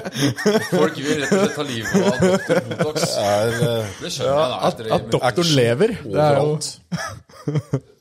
Men, eh, men du driver jo faen meg Altså Nå skal du inn i aksjegreier, og så holder du jo TikTok gående. Du er jo uh, blant uh, en av de største i Norge der. Og uh, Det er vel ikke Adams matkasse? Hva er det heter igjen? Spis riktig. Spis riktig. Hvor Og frokostlevering. og frokostlevering. Som jeg starta etter jeg jobbet som megler mens jeg var sjuk. Du, du kan få kjøre en liten annonse her nå, hvis du vil. Tror jeg. Ja, for, for hva er det? Hva er, Spis riktig. Ja, og frokostlevering. Ja, Spis riktig er jo noen som produserer ferdiglagde middager levert på dør. Eh, og eh, det ble veldig stort før korona. Eh, fikk omsetning der i Oslo Viken-området opp til nesten en million i uka. Å, fy faen. Så kom korona, så var alt stengt helt tvert. For plutselig gikk underleverandører gikk jo konk, og bla, bla, bla. Så ble det på ventings der nå. Og da veldig kort, da. Og da startet jeg noe som heter frokostlevering. Ja, det er bare å rape i det skal mikken. rapes i mikken, men Ja. ikke skjul de. De skal rapes okay, i mikken. Neste gang skal jeg ta en ordentlig. Neste gang skal jeg ta en ordentlig en. Så startet jeg eh, frokostlevering, og så gikk det over all forventning. Eh, Så frokostlevering er, sier seg selv, det er frokost levert på døren. Så der skal jeg også gå nasjonalt nå etter hvert. Nå er vi bare i Asker, Oslo, altså i Viken-området, da. Det har også gått veldig bra. Så første året vårt der nå tror jeg vi har omsatt for eh, Jeg startet i desember i forfjor, så det har vært oppe i et år, eller noe halvannet. da. Så første året så tror jeg vi omsatte for nesten 9 millioner. Veldig fornøyd med det. Mm. Fy faen. Og boys, det er perfekt til 17. mai, fordi mange Ja, av dere Ja, Så bestill nå til 17. mai, så får dere levert eh, frokost her, for det er genialt, ass. Ja, det- Jo, Ja. det var det jeg skulle fortelle, fordi det var eh, Du fikk jo sånn derre Hva faen var det for noe? Det var, du bestilte sånn derre De der små Makroner. makroner. Så våkna opp bare en hel haug med kaos. Hva faen er dette her for opplegg? Så hadde han eh, kompisen der da, hadde fått vræka makroner, var ikke det? da? Eller et eller annet som Jo. skjedde? Jo, det For det var sjåføren hadde most det et eller annet. Ja, jeg ble forbanna på makroner, ja. Så han la, han, la ut, han la ut på Instagram eller TikTok Hva i helvete er dette her for makroner? Så jeg bare, hva faen er dette her for noe? Så jeg ringte deg og bare Jeg skal ordne en nyhet til deg. Ja, du fiksa. Jeg fiksa. Og en grisefeit grisefeit Gjølle som sitter altså podkast... Ja, og meg. Sjefen sjæl. Ikke skyld på meg. Det var Ja, nå, driver driver Gjølle og snakker ljug her. Han bare bullshitter og ikke hører på han. Dere hørte ikke hva han sa. Jo, jo, men vi har jo, vi har jo eksterne som kjører for oss. Jeg skjønner ikke, Det er jo å sette det rett på utsida av en hovedinngang på midtpunktet. Ja, det kan du si. Det var akkurat det som Det kan du si. Det er ikke det man gjør. Men når du har sånn som på 17. mai, da, så hadde vi den ene dagen så hadde vi over 1300 leveringer. Da er det, det er På én dag. dagen, eller? Og da har du, ja, den største dagen. Eh, og da hadde vi eh, Da hadde vi eh, Da leier inn forskjellige transportbyråer.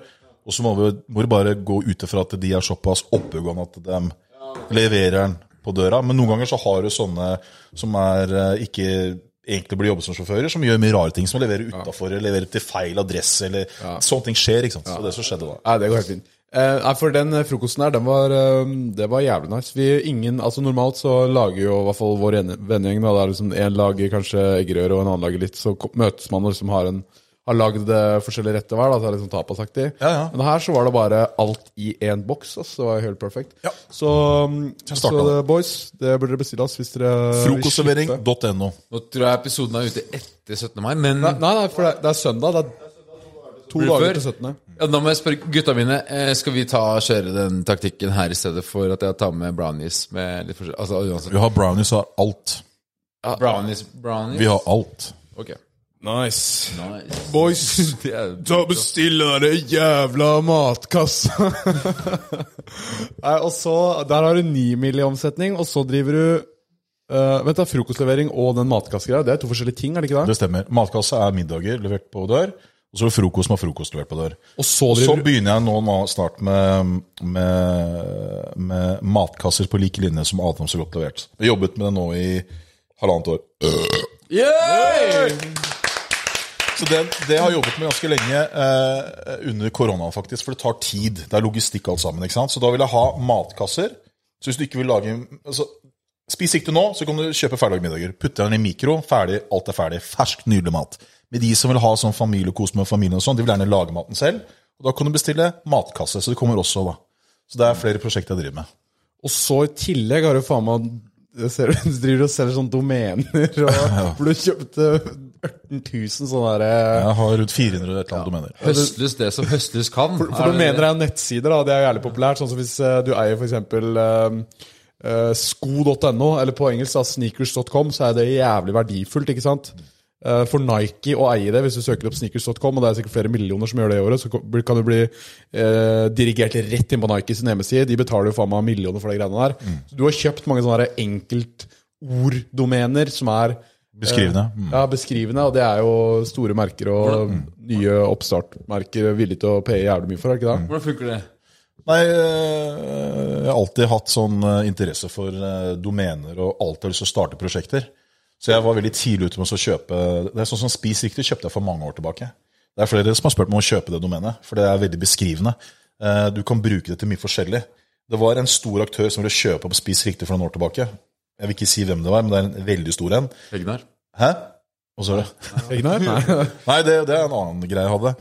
Eh, og, og eh, For det de sa til meg, var det at eh, hvorfor begynner du ikke med dagligvarer? Du kan drive med dagligvarer også. For jeg hadde bare satt fokuset mitt på middager. Så jeg kommer også med dagligvarer. Jeg holdt på med det også.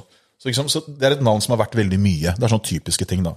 Så kan jeg også nevne Kapital24 også. Det var jo helt eh, Det var jo der, der har du beef med Hegnar. Og Ja, Hegnar er jo medieeier, stinn av gris. Det fikk jeg vite ganske Han fort. er en, eh, han er en mogul, da, en av Ja. Norges mektigste personer. Innenfor finans, i hvert fall. Innenfor finans, og har du mektighet innenfor finans, så er det en av de mektigste Da, i Norge. du, da har jeg lært en ting. Da kan du skrive hva du vil i avisa. Du kan gjøre hva faen du vil. Da eier du alt, liksom. Det gjør han Trygve. Ja. Faen. Så hvis det er én i Norge du ikke vil ha beef med, så er det han. Ja, det klarte jeg. Men vi har beef med han. Kan vi liksom ta en liten finger Skal vi til, beefe eh, litt med Hegne, ja? til Hegnar, eller er det dumt? Vil du fraråde oss å vise fingeren til Hegnar? Han er, Hegnar, jeg veit ikke, ass, mann, men eh, Hegnar er ganske kul, ass. Han er egentlig kul. Jeg syns han er jævla fet, for jeg var fan av han. Ok, Bortsett fra når han saksøker deg. Ja, det var ikke så kult, egentlig. Men jeg ga jo faen i det også. Det var kollegaene mine som holdt på å bæsje på seg. For Han begynte også å skrive om oss i avisa mye sånne greier som bare var helt på trynet. For det som greia var, da, var at jeg jobbet jo da som aksjemessig daytrader. Og så satt jeg sammen med, med en som heter Rolf Damman, som eide Netfonds. Som på en måte var litt min sånn mentor også. Eh, om jeg kan si det. May him rest in peace. I hvert fall, så, så Og så hadde jeg drevet med daytrening, som vi snakket om i stad. Og da ville jeg gjerne ha en side hvor jeg hadde alt. Alt live gjødselpriser, jeg ville ha alt informasjon. For når jeg jobbet som megler, så var det aldri, det var aldri et sted hvor du hadde alt. Jeg hadde masse sider overalt. liksom. Ja. Så da tenkte jeg fuck it, da kan jeg gjøre to ting i en smekk. Jeg kan sette opp en egen side. For Jeg sitter med å programmere, jeg driver mye rart. Da kan jeg lage min egen side. Så kalte jeg den for Kapital24. Capital 24. Ikke sant? Så jeg, sa- jeg satte opp min egen side hvor jeg hadde alt av mine nyheter som jeg syntes var kult. Og så tenkte jeg dette er kult for meg, da vil sikkert andre synes dette er kult. Og så kan jeg tjene penger på det samme slengen. Ikke sant? Yes. Og så var det det som skjedde, var at jeg satte dette opp. Og da var jo, plutselig så ringer jo en eller annen fyr meg bare Hei, du. uh, få ned siden din. Så jeg bare Hæ? Få ned siden? Hvorfor det? Uh, jo, for det uh, Kapital24, det er ikke du som eier det. Så sier jeg Kapital24, ikke jeg som eier det. Hva, mener du? Nei, uh, du, du, du, du snylter nå på Trygve Hegnar. Så, Trygve Hegnar, mener Hegnar.no? Eh, Så sier så sier han ja. Så, Nei, men det, jeg har Kapital24, liksom. Jeg jobber med kapital. Eh, Liksom. Og så sier de nei, du, må, du, ikke, du kan ikke ha det navnet der. Så sier jeg fuck you, du kan det. Det var sånn det begynte. Og så Fuck you. ja, og sånn det begynte. Og så, og så ringer meg opp igjen, og sånn, og så snakker jeg med kollegaene mine og sier at du, du, vi kan ikke drive og komme ut med dette her. Det er ikke bra for forvaltningen, det er ikke bra. Husk på at du jobber i finans. Jeg, bare, jeg satt der cowboyen som jeg tenkte ikke over. liksom. Og så, og så ringer jeg opp igjen, for da skulle de sende en søksmål. og noe greier, og greier. Det står om det er avisa. Dette er ikke noe, er ikke noe hemmelig. Og så, og så ringer jeg til og sier jeg greit, dere kan få domenet. Og så ombestemte jeg meg rett etterpå. bare, Ikke faen, kan man drite dere på nytt. Og da ble jeg enda mer forbanna, for jeg ombestemte meg etter jeg sa de skulle få domenet. For jeg ble oppringt av advokater over hele Norge og sier vet du hva, dette navnet her kan ingen ta fra deg, for det er såpass generelt navn at alle kan bruke ordet kapital. Det var sånn det begynte, da. Og så begynte man å skrive innlegg om meg i avisa på E24, og, inn, og det var jo Sverige og Norge, det ringte overalt, for jeg ga jo faen, ikke sant. Og så begynte plutselig kollegaene mine å begynne å ikke gjøre dette, vi mister kunder og alt mulig. Jeg bare, det driter jeg bare slapp av, liksom, dette går bra. Og så Enden på visa var det at eh, Jeg skal ikke si alt som skjedde, men det var bare Det var ikke så smart om jeg gjør det. da. Så, så skjedde det at jeg bare ga navnet til slutt helt gratis. Så hvis du skriver Kapital24 nå, så kommer du til hegnar.no. Enden på visa. Det var ikke så jævlig lurt. Det er ikke det smarteste Det, jeg har gjort. det var det dummeste du har gjort. Men jeg hørte det etterpå, og Trygve lo av hele greia. Han gjorde det? Han Ok. syntes det var litt morsomt. Så det er, ikke, det er ikke så beef egentlig nå. Men du har jævlig, gjort jævlig mange Du har hatt mye uflaks, syns jeg. Det er i hvert fall det inntrykket jeg sitter igjen med. da Fordi det Hadde ting gått liksom litt mer veien, så hadde du vært nede med Brad Pitt og Leonardo DiCaprio. Det var det som var drømmen min, Alvar. Ja, og, det, og hvis eh, ikke du hadde vært i USA akkurat under 9-11, så hadde det ikke vært så jævlig vanskelig å få oppholdstillatelse der, liksom. Og så øh, var det vel øh, historien om hvordan Fordi du tjente jo masse penger i mange år som finans, eller aksjemegler. Stemmer. Men så starta du vel et eget Selskap Atlas. ja, som øh, Kosta- alt. kosta alt. Og, Og så, fond. og så ble du jo daudsjuk nesten rett etter du starta det. Og når du har investert alt i det, da går jo det til helvete. Og da Det er det alle ikke skjønner. Folk tror at de har tapt pengene dine på, på noe. Det er ikke det jeg har gjort. Reinvesterte det. Putta penger i mange ansatte. Uh, funda et svært fond i starten i to år som ikke hadde inntekter. Mye sånne ting som pengene gikk til. ikke sant? Tok nesten ikke ut noe lønn. Jeg tok ut noe lønn, da. Men uh, liksom, alt ble bare, ble bare borte. Og så prøvde jeg, og så ble jeg headhunta på nytt etter det var dårlig. For jeg, jeg tenkte at ok, nå er det min tid. Uh, så prøvde jeg å gå tilbake i finans i tre-fire år. Og da klarte jeg det ikke. For jeg hadde ikke Jeg var liksom Etter, etter jeg fikk eh, hjerteinfarkt, og etter jeg mistet alt, så følte jeg at jeg hadde følte liksom at eh, jeg tenkte, ok, dette går fint. Dette fikser jeg. Men så blir det sånn at du blir Når du opplever noe sånt nå, eh, og jeg er ikke redd for utfordringer i det hele tatt. Altså, jeg gir gass. Det er sånn jeg er skapt. Men kroppen min og alt funka ikke sånn som det gjorde. Altså, Impulsene mine var ikke der som det var. Jeg, jeg tror ikke jeg var like sulten, så jeg tror jeg gikk i en sånn, litt sånn depresjon. Du var ikke der selv? Nei, jeg var ikke Jeg klarte ikke Jeg hadde kunder som ringte inn til meg som ville handle aksjer. Jeg tok ikke telefonen. Jeg dodga morgenmøtene. Men så ville jeg liksom mening, du, Det gir jo mening når du, når du er daudsjuk og taper alt du har brukt mange år på å bygge opp, liksom. Høres ut som en rollercoaster. Kunne det var kanskje vært mellomnavnet ditt? Joakim Rollercoaster Jones? Kunne vært det. Det kunne vært det. Og det var det som skjedde da. Så da ble det sånn at jeg kommer liksom aldri helt uh, tilbake. Og så ble jeg sjuk igjen. Så måtte jeg kutte ut alt. Så sier legen til meg at hvis du fortsetter nå, så dør du. Og da bare la jeg alt på hylla. For jeg prøvde hele tiden å komme tilbake. For det, det, du huske på tingen at, eh, at eh, jeg var jeg var helt rå på daytrading. var sånn jeg tjente pengene mine. Hvis ikke jeg hadde vært flink på daytrading, så hadde jeg ikke tjent de pengene heller. Det er det folk ikke skjønner. For å kunne ha høy kurtasje, så må du treffe. Hvis du ikke treffer, så taper du pengene til kunden. Da får du ikke en ny transaksjon. Så når du har så mye penger som jeg hadde, så var det fordi jeg gjorde en bra jobb. De ga meg mer penger, mer penger, mer penger, mer penger. Så jeg var veldig flink på det jeg gjorde. Og når du da ikke får mulighet til å jobbe med det du er flink på, så mister du deg selv litt. Hva var det jeg hadde for noe? Jeg, hadde, jeg var bare en bola, halvfeit, dau jævel som ikke hadde noe annet enn finans. Jeg kunne jo ingenting annet. Ja, For konteksten, som du sa Tia, for de som hører på det, jeg vet ikke om de fikk det med seg, men du, når du tjente mye penger, så jobba du jo 24-7. Ja, ja. Jeg var da ikke ute på byen. Ja, Da gir det jo vekk eh, på en måte familieliv, venner ja, Jeg var jo ikke der for sønnen min. eller noen ting. Jeg var jo e- ekstremt dårlig far. Sønnen min flytta til meg nå i fjor. Han er tiktoker. Han er, han er tiktoker. Han, er, eh, han er morsom. Fitness Jones? Stemmer. Er det ikke det? Stemmer, Han er faen meg svær òg, Han er gigantisk. Han er svær. Helt naturlig, men gigantisk. Sjukt, ass. Ja, men det, det gir jo mening da at du, når du ikke har så mye sosialt rundt, og du har mista jobb og økonomi og alt, da, da er det jo rimelig på bånn. Man kan jo ikke treffe så mye mer bånd enn det, for så vidt. Og høre at hvis du fortsetter, så dauer du. Ja. Men det var liksom det som var eh, litt av greia med. ikke sant? For jeg visste jo ikke hvor langt nede jeg var, før jeg på en måte litt sånn i etterkant skjønte at det, ok, det her var kanskje ikke så bra. da. Men det er sånne ting som, eh, som du må oppleve for å forstå det. Og det er liksom sånn Ja, men du tjener med penger, og bla, bla, du sitter med hus og sånn. Altså, Når du mister deg sjæl, så hjelper det ikke hva andre sier til deg. Du, bare, du, du føler deg som du går rundt i sånn tåke, liksom.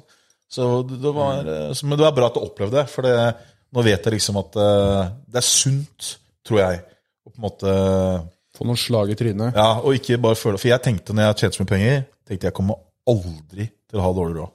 Du går ut med en sånn innstilling. Det er bra å være en kriger, men vær litt ydmyk, liksom. Føler du at du er mer jorda nå? Ja. Jeg blir ikke imponert over en dritt. Og så vet jeg hvor mye penger jeg kan tjene også. Ja. Så det er liksom, Den kombinasjonen her tror jeg er veldig sunn. Så jeg blir ikke imponert over å komme med en dyr klokke til meg eller en dyr bil, eller hva faen, for jeg har antageligvis tjent mer penger enn hele gjengen. Ja. Det betyr ingenting. Når det er borte, så er det borte. For deg så er penger bare tall. Ja, Rolexen. kun et tall. Det er kun et tall. Apropos dyr klokke. Du har to eller tre sånn, Norge, da? Vi har, vi, vi har eh, Siden du har truffet bånd og Altså, jeg elsker jo Klokker. en god comeback-historie. Gull. gull. Vi, vi slår på stortromma i dag, Jølle. Så jeg har lyst til å gi deg en Rolex. Å, fy faen. Det lukter penger. Helt, helt ny. Altså, det her er for å markere comebacket. Rett etter at han har sagt at Rolex imponerer han ikke i det hele tatt. Da får du en Rolex. Jeg har ombestemt meg. Den Der har du passeren på, eller? Du har jævlig sånn der eh, ordentlig Å, den passer. Men du kan gå på Bjerke, og så kan du, du kan gå på Bjerke. Det er avtale der. Jeg har Så så, jeg har sånn klubbhender. Du kan, ikke- ja, du det. den på Bjerke. Hva faen jeg gjør det der, da? Nei, men Du må ikke sjekke den. Nei, men trenger ikke det der. Altså, Markedsverdi på 350 000. mer har jeg hørt. Du må love å ikke selge den. Lov ikke selge er. Mer. Ikke, ikke ta den med til Bjerke. Ikke noe på Finn eller noe sånt. Ja, men det gjør vi jo ikke. Ingen eksperter skal se på den. Det blir bare tull. Den er litt vrien, bare. Eh, han fyren i Tyrkia Nei, han på Bjerke sa at uh, Tyrkeren på Bjerke, mener du? ja, Tyrkeren på Bjerke Ja, Føler du deg litt ekstra alfa nå? Der, ja. Som du har en Rolex? Det dunker. Jeg bare kjenner det, liksom. Du kjenner alfaen bare Testonivå Alt. Pulserer alfablod gjennom årene dine. Ja, ja. Deilig. Hvordan er det å være alfa, forresten? Hvordan var alfa? Dritdeilig.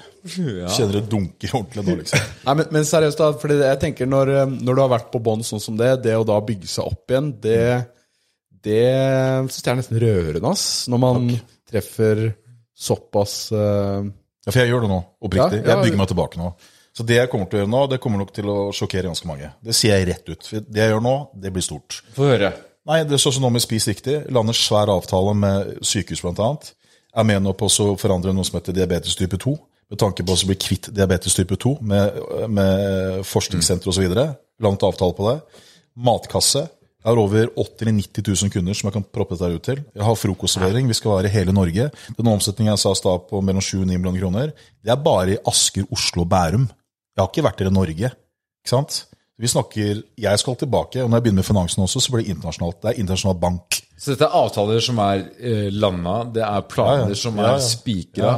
Og så starter jeg med noe som heter Protein Flakes også, som jeg også eier. et Ja, det, det så jeg. Ja, som jeg har jobbet mange år med.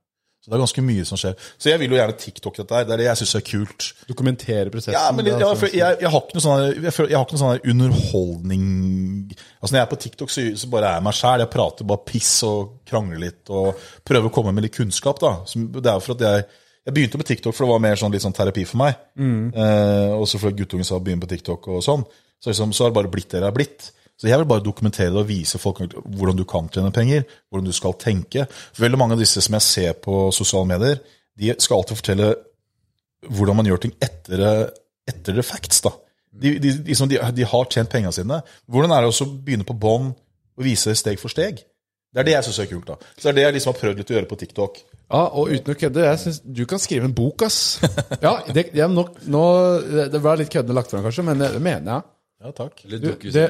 Fordi du har jo ganske mange sjuke historier, og det, det du sa nå, var jo bare det måte som falt naturlig. Hvis du graver litt tilbake der og sitter og tenker mye over det et par måneder, liksom, så finner du garantert mye mer sjukt, liksom. Ja, Mye sjukt jeg har gjort. Rever, da. Rever. Ja, og da, da Det kunne vært en veldig interessant bok, ass. Tror jeg. Ja. Nei, jeg, jeg, Bok, film, og så eh, er det den filmen også videre markedsføring til selskapene dine. ja. Det henger sammen, vet du. Ja, ja. Så da det, Men det som imponerte meg med deg, det var den der eh, NFT-en som du kjøpte fra var det ikke Gary Vee. Jo, ja, stemmer det. Det var bra call. Ja, den var ganske sjuk. Den syns jeg var kult. Jeg husker jeg ja, fikk høre om det her jævlig tidlig, og jeg bare Nei, nei, nei, nei gutta. Ja. Hold dere unna den NFT-dritten, Vi, ass. vi, det var jo meg og, og Jørgen som kjøpte den. Uh, og når vi kjøpte den, så sa vi fra til gutta våre og sånn Dere burde inn i det her, for vi, her er det mulighet, ja. Vi ringte jo Snorre og sa Mann, kast deg på, det her er, kommer til å bli svært. Barcode-Snorre. Tommelte tommeltotter som svirres her nå. Nå er han ansatt her. eh, ja, jobber for 135 timer, er ikke det, Vira? Jeg har ikke fått lønn ennå, så det er litt tidlig å si hva jeg får. Du får drikke litt, da, så det er greit. Ja, du får, får gratis. Jeg får ikke lov til å drikke, jeg risikerer å miste jobben. Jeg fikk jo første muntlige advarsel rett før du kom på her. Ja, vi tok vi hadde promilletest på den. Og det er jo eh, det er onsdag i dag. Onsdag klokka fire. Det her slippes på kvelden. Ok, det er greit. På søndag. Så det er det jeg sa til Oskar. liksom. Det her er et kveldsprogram. Det her er filmtriks. At jeg er litt brisen. dette er egentlig lørdag. På. Det er lørdag nå. Det er lørdag, og vi skal på byen og party. Så når du om fem-ti år har massiv suksess, da er det tilbake her og Og Og, Og så kan vi referere til forrige episode hvor du calla det ut. Vi landet, eh, vi landet i en svær avtale i går med en av verdens største kryptobørser, faktisk. Eneste, Norge. Seriøst. Hvilken børs? Hvilken børs? Hva slags avtale? Kan jeg vise dere det? du. Jeg vil ikke si det før den er signert, men jeg kan vise dere det. Vil du kjøpe kryptoen min til blodpris? har du avtale med de der? Ja, I går. De er jo Der, der, der, ja, der har jeg min krypto. Ja, ja. det, er, et- det er verdens største. Så vi blir ja. partnere med de. Så, det, så når jeg står tilbake nå, så skal jeg kline til alt jeg kan. Fy faen. Så- så du må passe det- på helsa òg, da. Ja, jeg vet det. Men det som er kult nå da, med dette her nå, som jeg er med også, også starter nå, er det at eh, det her de, Det er mange bak meg, ikke sant? Det er en svær bank som står bak meg. Men jeg sitter på domene. Det er sånn jeg kom inn i de greiene her nå. Du sniker deg inn. Så jeg eier, dome, jeg eier domenet som platt... Han er en snik, altså. En gjennomført snik. Så jeg eier jo domenet som blir brukt på hele opplegget. Det er sånn jeg kom inn i dette her. Men Har du noen domener jeg burde skaffe? Eller? Så jeg eier jo da Han har kjøpt alt. Jeg, jeg, jeg kjøpte jo frontbroker.com. Så gjennom det, alt dette her ble samlet sammen med banker og hele pakka. Så det var litt kult. Hadde jeg ikke hatt det, så hadde jeg sikkert ikke hatt den muligheten. Fy faen. I helvete, det der er jo litt av en børs òg, da. Det- det er- litt av en det er jo børs. en sjukt. børs Ja, Det er ganske sjukt. Så jeg tror at det, eh, når vi får gjort dette ordentlig, så tror jeg vi kommer til å komme aviser med det. For det er ingen som har laget den avtalen. Det er ingen i Norge. Det er kjempesvært. Hegnar, Men jeg tror jo, ser- jeg tror jo det at, eh, som jeg sier, at uh, framtiden blir aksjer, og det blir krypto. Eh, det blir en kombinasjon.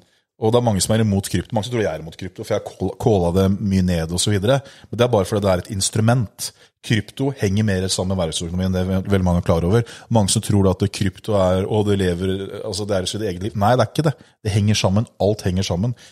På renteøkninger, inflasjon, Russland, Ukraina, ikke sant.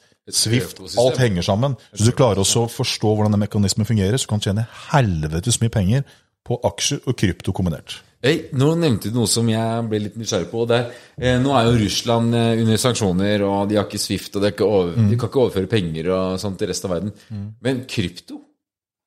Eh, det må være en gyllen mulighet for russere og oligarker og sånne type ting. Det var det jeg sa på TikTok for eh, to måneder siden. men hvorfor skyter ikke prisen på krypto opp i været, Det gikk jo rett opp. Ja, de har gjort det. ja. De gjorde det, Ja, gikk jo rett opp. Og nå har jo, nå har det jo falt rett ned igjen på grunn av eh, Jeg har ikke sett så mye på det Warren siste. Buffett, motherfucker. Ja, han har jo vært imot det lenge. Eller sier at eh, det er ikke noe reell verdi. Han sier at det er eh, penger uh, Fysiske penger er mer verdt enn krypto, for krypto er digitalt. Ja, men Så- han, han Han er, old, han er old fashion, liksom. Han er jo 200 år snart. Ekstremt smart, men liksom, si hva du vil. Han kan veldig mye, er en av verdens flinkeste, om ikke den flinkeste på det han kan. Det betyr ikke at han er verdensmester på nye ting, ikke sant? for det utvikler seg hele tiden. Det kommer nye investeringsobjekter, sånn som NFTs nå. Ikke sant? Eh, Det kommer også sikkert til å bli kjempesvært også. Så er det da eh, Metaverse. Ikke sant? Så, så det kommer. Men hele hemmeligheten med å være flink på dette er altså kunne være med i riktig tid. Altså trendene, og time dette her. Ikke sant? Jeg har sagt dette før til folk. Hvis du skal tjene penger på aksjer osv. Mange sier til meg John, se på den aksjen, er dritspennende. Har ikke en dritt å si hvis ingen andre har hørt den aksjen. Nei. Det hjelper ikke å ha en hemmelighet hvis ingen andre får med seg hemmeligheten. Nei. Hvis du skal være flink til å tjene penger, finn noe som er underprisa, litt hemmelig, men som har en trend på å gå oppover. Det er sånn du gjør penger. Så bullish. Ja, du, du må finne noe som andre har hørt om. Du kan ikke bare finne noe som ingen har hørt om. Jeg, jeg, bare, jeg bare merker at jeg fikk litt hvilepuls nå, nå som du backer krypto og sånn. Fordi jeg har litt for mye krypto. Det går jo bare opp og ned. eh, Kanskje litt sånn livet ditt. Eh, Men hvorfor gjør du ikke noe med det? Sitter du bare langsiktig, du, eller? Ja, men jeg, jeg, Trader du? Jeg skulle gjerne skyldt på en hjertesykdom og testo og alt mulig rart, men at jeg ikke klarer å holde meg Det fikser vi. Vi ordner det. Vi ordner problemet for deg. Men eh, det har jeg ikke. Altså. Nå er det bare latskap, Han har, egentlig. kan være skyldig på alkohol. Han har for mye penger. det er, alkoholisme er det som skyldes det. da. Det er det eneste som kan skylde på. Skjønner. Du har for godt, rett og slett. Jeg har det litt for godt. For mye betalt her, og har du for godt. Ja. Drikker på en onsdag, koser seg og har ålreit. Ja. Må liksom dra fram en glokk her for at uh, At det skal røre på seg. Ja, men, har du noen tips til folk som, unge folk da, som har lyst til å begynne med innsidehandel? Bare sånn at unge folk sitter der og bare venter på å komme til land. Uh, fengsel. Hvor lenge? Uh, han ene jeg vet om, eh, fikk vel nesten syv år. Tar de pengene dine når du må i fengsel? De da? tar alt. Å, herregud. Ok, det er jo litt irr, da. Så det er veldig dårlig, dårlig å, å på en måte begynne med det. Det er i så fall skyld, Har en kunde- spora dine. begynner ung, da. hadde en kunde av meg som uh, var en av Norges rikeste, faktisk, som ble tatt for det. Å, fy faen. Hadde slått i utlandet og tjo hei. Kan dere google hvem det var. Han ble tatt for innside, uh, og ble dømt for det. Så tenker jeg det at når du er god for uh, så mange store summer Jeg vil ikke si helt hvem det er, men du var god for uh, over, milliarder, liksom? Ja, god for noen yards. Eller milliarder, da. Yards. Ja, også, det er det det er det man sier. Yards. Og så, hvis du er litt sånn exit, så er det yards. Og, la yards. Uh, og når du da skal på en måte uh, risikere det på å bli tatt for eh, Jeg tror hun ble tatt for rundt 15 eller 10 millioner. det Jeg skjønner ikke. Jeg forstår det ikke. Det, det blir så dumt. Og det jeg tror det er mye sånn Så, så risikoen på å drive med innsidehandel, det er ikke verdt en dritt. Fordi fordi, hvert fall når du Og du vet jo ikke om det treffer heller. når du når et visst nivå med rikhet, altså spenn, flys, så er det jo på en måte Altså, penger har jo Det blir bare tall for deg, akkurat som det var for deg. Liksom. akkurat det det blir. Det blir, liksom, det blir bare noe som, som er eh, digitalt eller er på en konto. Det blir ikke noe mer uh, du, du har muligheten til å leve litt annerledes, men hvis du er sånn som jeg var, da, som bare jobber og jobber, og jobber, jobber så, så har det ingen betydning. Jeg har ikke noe mer fritid, jeg har mindre fritid. Ja. Ikke sant? Ja, det er sjukt. For det er mange som romantiserer det. ass. De ser Wolf of Wall Street, og så er det ja, faen, aksjemeglere og ut og Bullshit. damer og Bare piss. kokain og det som verre Så- er. så- ikke sant? De med høy sigarføring på byen, det er ofte de som tjener minst penger. Eller som prøver veldig hardt. ja, det veit jeg. Det vet jeg veldig godt. Det, det kan Snorre alt om. Det, han trenger ikke belæring der. Ja, av det, alle den, steder. den, den er godt kjent med. Kjipt, Men det. eh, så tipset ditt til de som vil begynne med innsidehandel, det er bare se det an litt. Se det an litt. Ja. Se det an litt. På tampen her, har du tre raske investeringstips nå? Altså, nå har jo de gått, da. Jeg nevnte jo, jeg nevnte jo PGS veldig klart ifra. Den har gått helt jævlig. Så nevnte jeg bulk, eh, pga. bulksektoren og, og, og, og, og, ski- ratene. Og så nevnte jeg tidligere eh, bulk shipping, container shipping. Og så har jeg nevnt noe fisk, da. For lakseprisen har steget ganske kraftig, og så fiskeaksjene henger jo etter. Men eh, så må det da være fisk, som jeg tipper kommer til å være den nye som kommer til å gå. Så fisk Og- og- som ikke er laks. Nei, laks. Altså fisk. Lakseaksjer. Ja. Ikke sant? Salmer og ske og så. Men eh, jeg tror at det kommer en korreksjon. Så jeg ville sagt til alle at eh, hvis du har mye gevinst, ta ut halvparten, sitt litt på gjerdet, så følg med. Det er faktisk det vi gjør nå. Ja, Det er det jeg ville gjort. For du har eh, så mye du har så mye tall nå som, som tyder på at dette skal litt ned. Det skulle ikke vært ned. Jeg mener det skulle vært ned for flere måneder tilbake, men du har hatt en sånn kunstig høy eh, råvarepris nå pga. Russland og Ukraina, som har og, og vært med på å presse prisen opp. Alt på kornpriser til olje, til drivstoff, til alt mulig rart. Så har du Oslo Børs er veldig kunstig høyt. Selv om selskapene tjener masse penger, sånn som Equinor og sånn, som tjente tror jeg, millioner i minuttet eller sånt nå, mye penger, bra med cash, kjempebra, verdiene er det det er. Men når du skal kjøpe aksjer, så kjøper du, aksjer, kjøper du ikke aksjer på hva det har vært i dag. Du kjøper aksjer på hva det har vært om et år, to, tre år fram i tid. Så hvis du tror at krigen ikke vil vare, så vil antageligvis oljeprisen komme litt ned. Selskapene vil antageligvis tjene litt mindre penger. Så får du en liten korreksjon bare der. Og når det er høy oljepris også, så er det mye, mye større kostnader for alle andre verdensbørser rundt oss. De vil også kunne komme ned pga. høy oljepris. Så det er veldig mye som henger sammen der. Så mitt råd er å sitte litt på gjerdet og følge litt med. Og gjøre korte transaksjoner i enkeltaksjer. Så, for jeg leste også om, jeg Karakterbrist. hørte litt uh, sånne podkaster med andre investorer og, eh, og sånne ting. Uh, og de sier at det, Eller jeg har fått med meg i hvert fall at det er jo en korreksjon i markedet i snitt hver tiende år. Ja, stemmer. Sånn som 2001. Historien gjentar seg alltid, og det er sunt. Ja. Det er jævla sunt. Og nå har det ikke vært korreksjon siden 2008, så er det nesten 15 år siden. da. Hvor ikke det har vært noe markedskrasj i det. Og vi har, tatt, liksom. trykt, vi har trykket penger som aldri før, sentralbankene. Bare blæste penger inn i markedet hele tiden. Og så har du så, det som også, som også synes er litt sånn dritt, som man må være litt forsiktig med på, på TikTok og Instagram og sånn. Du har så jævlig mange guruer, så ser du alle mulige kurs, og vi har tjent så mye penger og gjør dette her og sånn og sånn og sånn. Alle har tjent penger i aksjemarkedet, selv om ikke du kan en dritt de siste 10-15 årene. For aksjemarkedet har gått oppover. Hvis du har tapt penger på aksjemarkedet, så er du retard, tilbakestående, blind. Du har alle sykdommene som er å finne, og du er drita. 100 Peker du på meg? Tenk på deg nå. Du kan tjene penger Altså, det har bare gått én vei. Ikke sant? Og Det er ofte det man skal være forsiktig med på, på, på disse sosiale mediene. Finn noen som kan tjene penger og gå ned også. Ikke sant? Alle kan tjene penger og går oppover. Svært få kan tjene penger og gå nedover. Det er mitt tips. Det er jævlig fett. Så, men jeg, jeg, Det er jævlig fett. Det er jævlig fett. Okay. Det er et spørsmål. Et spørsmål. Ja, jævlig fett. Jeg ikke pek under på meg, jeg er for redd. Jeg, men ett siste spørsmål. Det er, hva syns du om Norges finansminister Trygve Slagsvold Veum? Norges eh, mest mektige innenfor Jeg blir ikke blokka her, gjør jeg det? Blokka? Jeg kan si ting uten å bli blokka. Ja, bare si alt du vil. Gjølle er produsent. Jeg syns han er helt retard. Han veit ikke hva han snakker om engang. Helt blæsta. Det er så teit. Det er som å høre en bilmekaniker snakke om eh, tømrerjobb, liksom. Han er jeg, skjønner ikke, jeg skjønner ikke hva han driver med engang. Og det der regnestykket han hadde her forrige uke Snitt, eh, Snittfamilien tjente en million dollar for noe, hadde 15 000 å bruke med alt sånt nå. Kjøss meg ræva. Bare piss. Han fortjener å bare bli sparka til helvete vekk. Og samme med de der eh, MDG-folka også. Sånne der halvrusa nisser på Grünerløkka, liksom. Helt haug. Blæsta. Har du hørt den der med hun der eh, hun der Lan Marie når hun der har pratet om det intervjuet? Hun har de stemt på, liksom. Det er bare nisser. Mine. Trygve Slagsvold Veum, du kan ta deg en bolle Ja. med den her, Ja, rett og slett. og så Er kan du spise og bollen. jeg syns han var ganske sjarmerende tidligere. Øh, Smittsom latter og morsom. Ja. Og når du ser hva han gjør nå, får ikke til en dritt. Og det går bare verre og verre utover folk nå. Samme med strømprisene også. Strømprisene gjennom taket.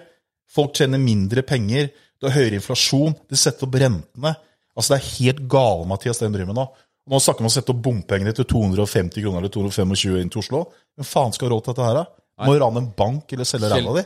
Helt idiotisk. Kaos. Jeg syns Trygve Slagsvold Veum kan fortsette sånn som han gjør, fordi borgerlig side tjener jo dritmye. Helt idioti. Så vi konkluderer med at det er fluss av idioter der ute. Ja, det er det. Selv i toppen Og det- av eh, Og de trenger ikke utdannelse heller for å være, være politiker i Norge. Du kan bare sitte på skolebenken, og så kan du bare gå rett ut i politikken, og så skal du styre Norge. Du vet ikke hva faen meg en jobb er for noen gang. Det er Norge. Ja, det er Norge. Galskap. Du burde faen meg ha ti år arbeidspraksis for å få lov til i det hele tatt vurdere å være politiker. Det er helt spinnvilt. Det er spinnvilt! Kjøp lavt, selg høyt. Så har eh, Ok, boys, Tusen takk for at dere fulgte med. Eh, Husk å abonnere. Kom med anbefalinger til gjester. Neste episode med Jones den, Pling på bjella, pling på bjella, følg på bjella. Bli en viff. Så snakkes vi. Snakkes på bånn.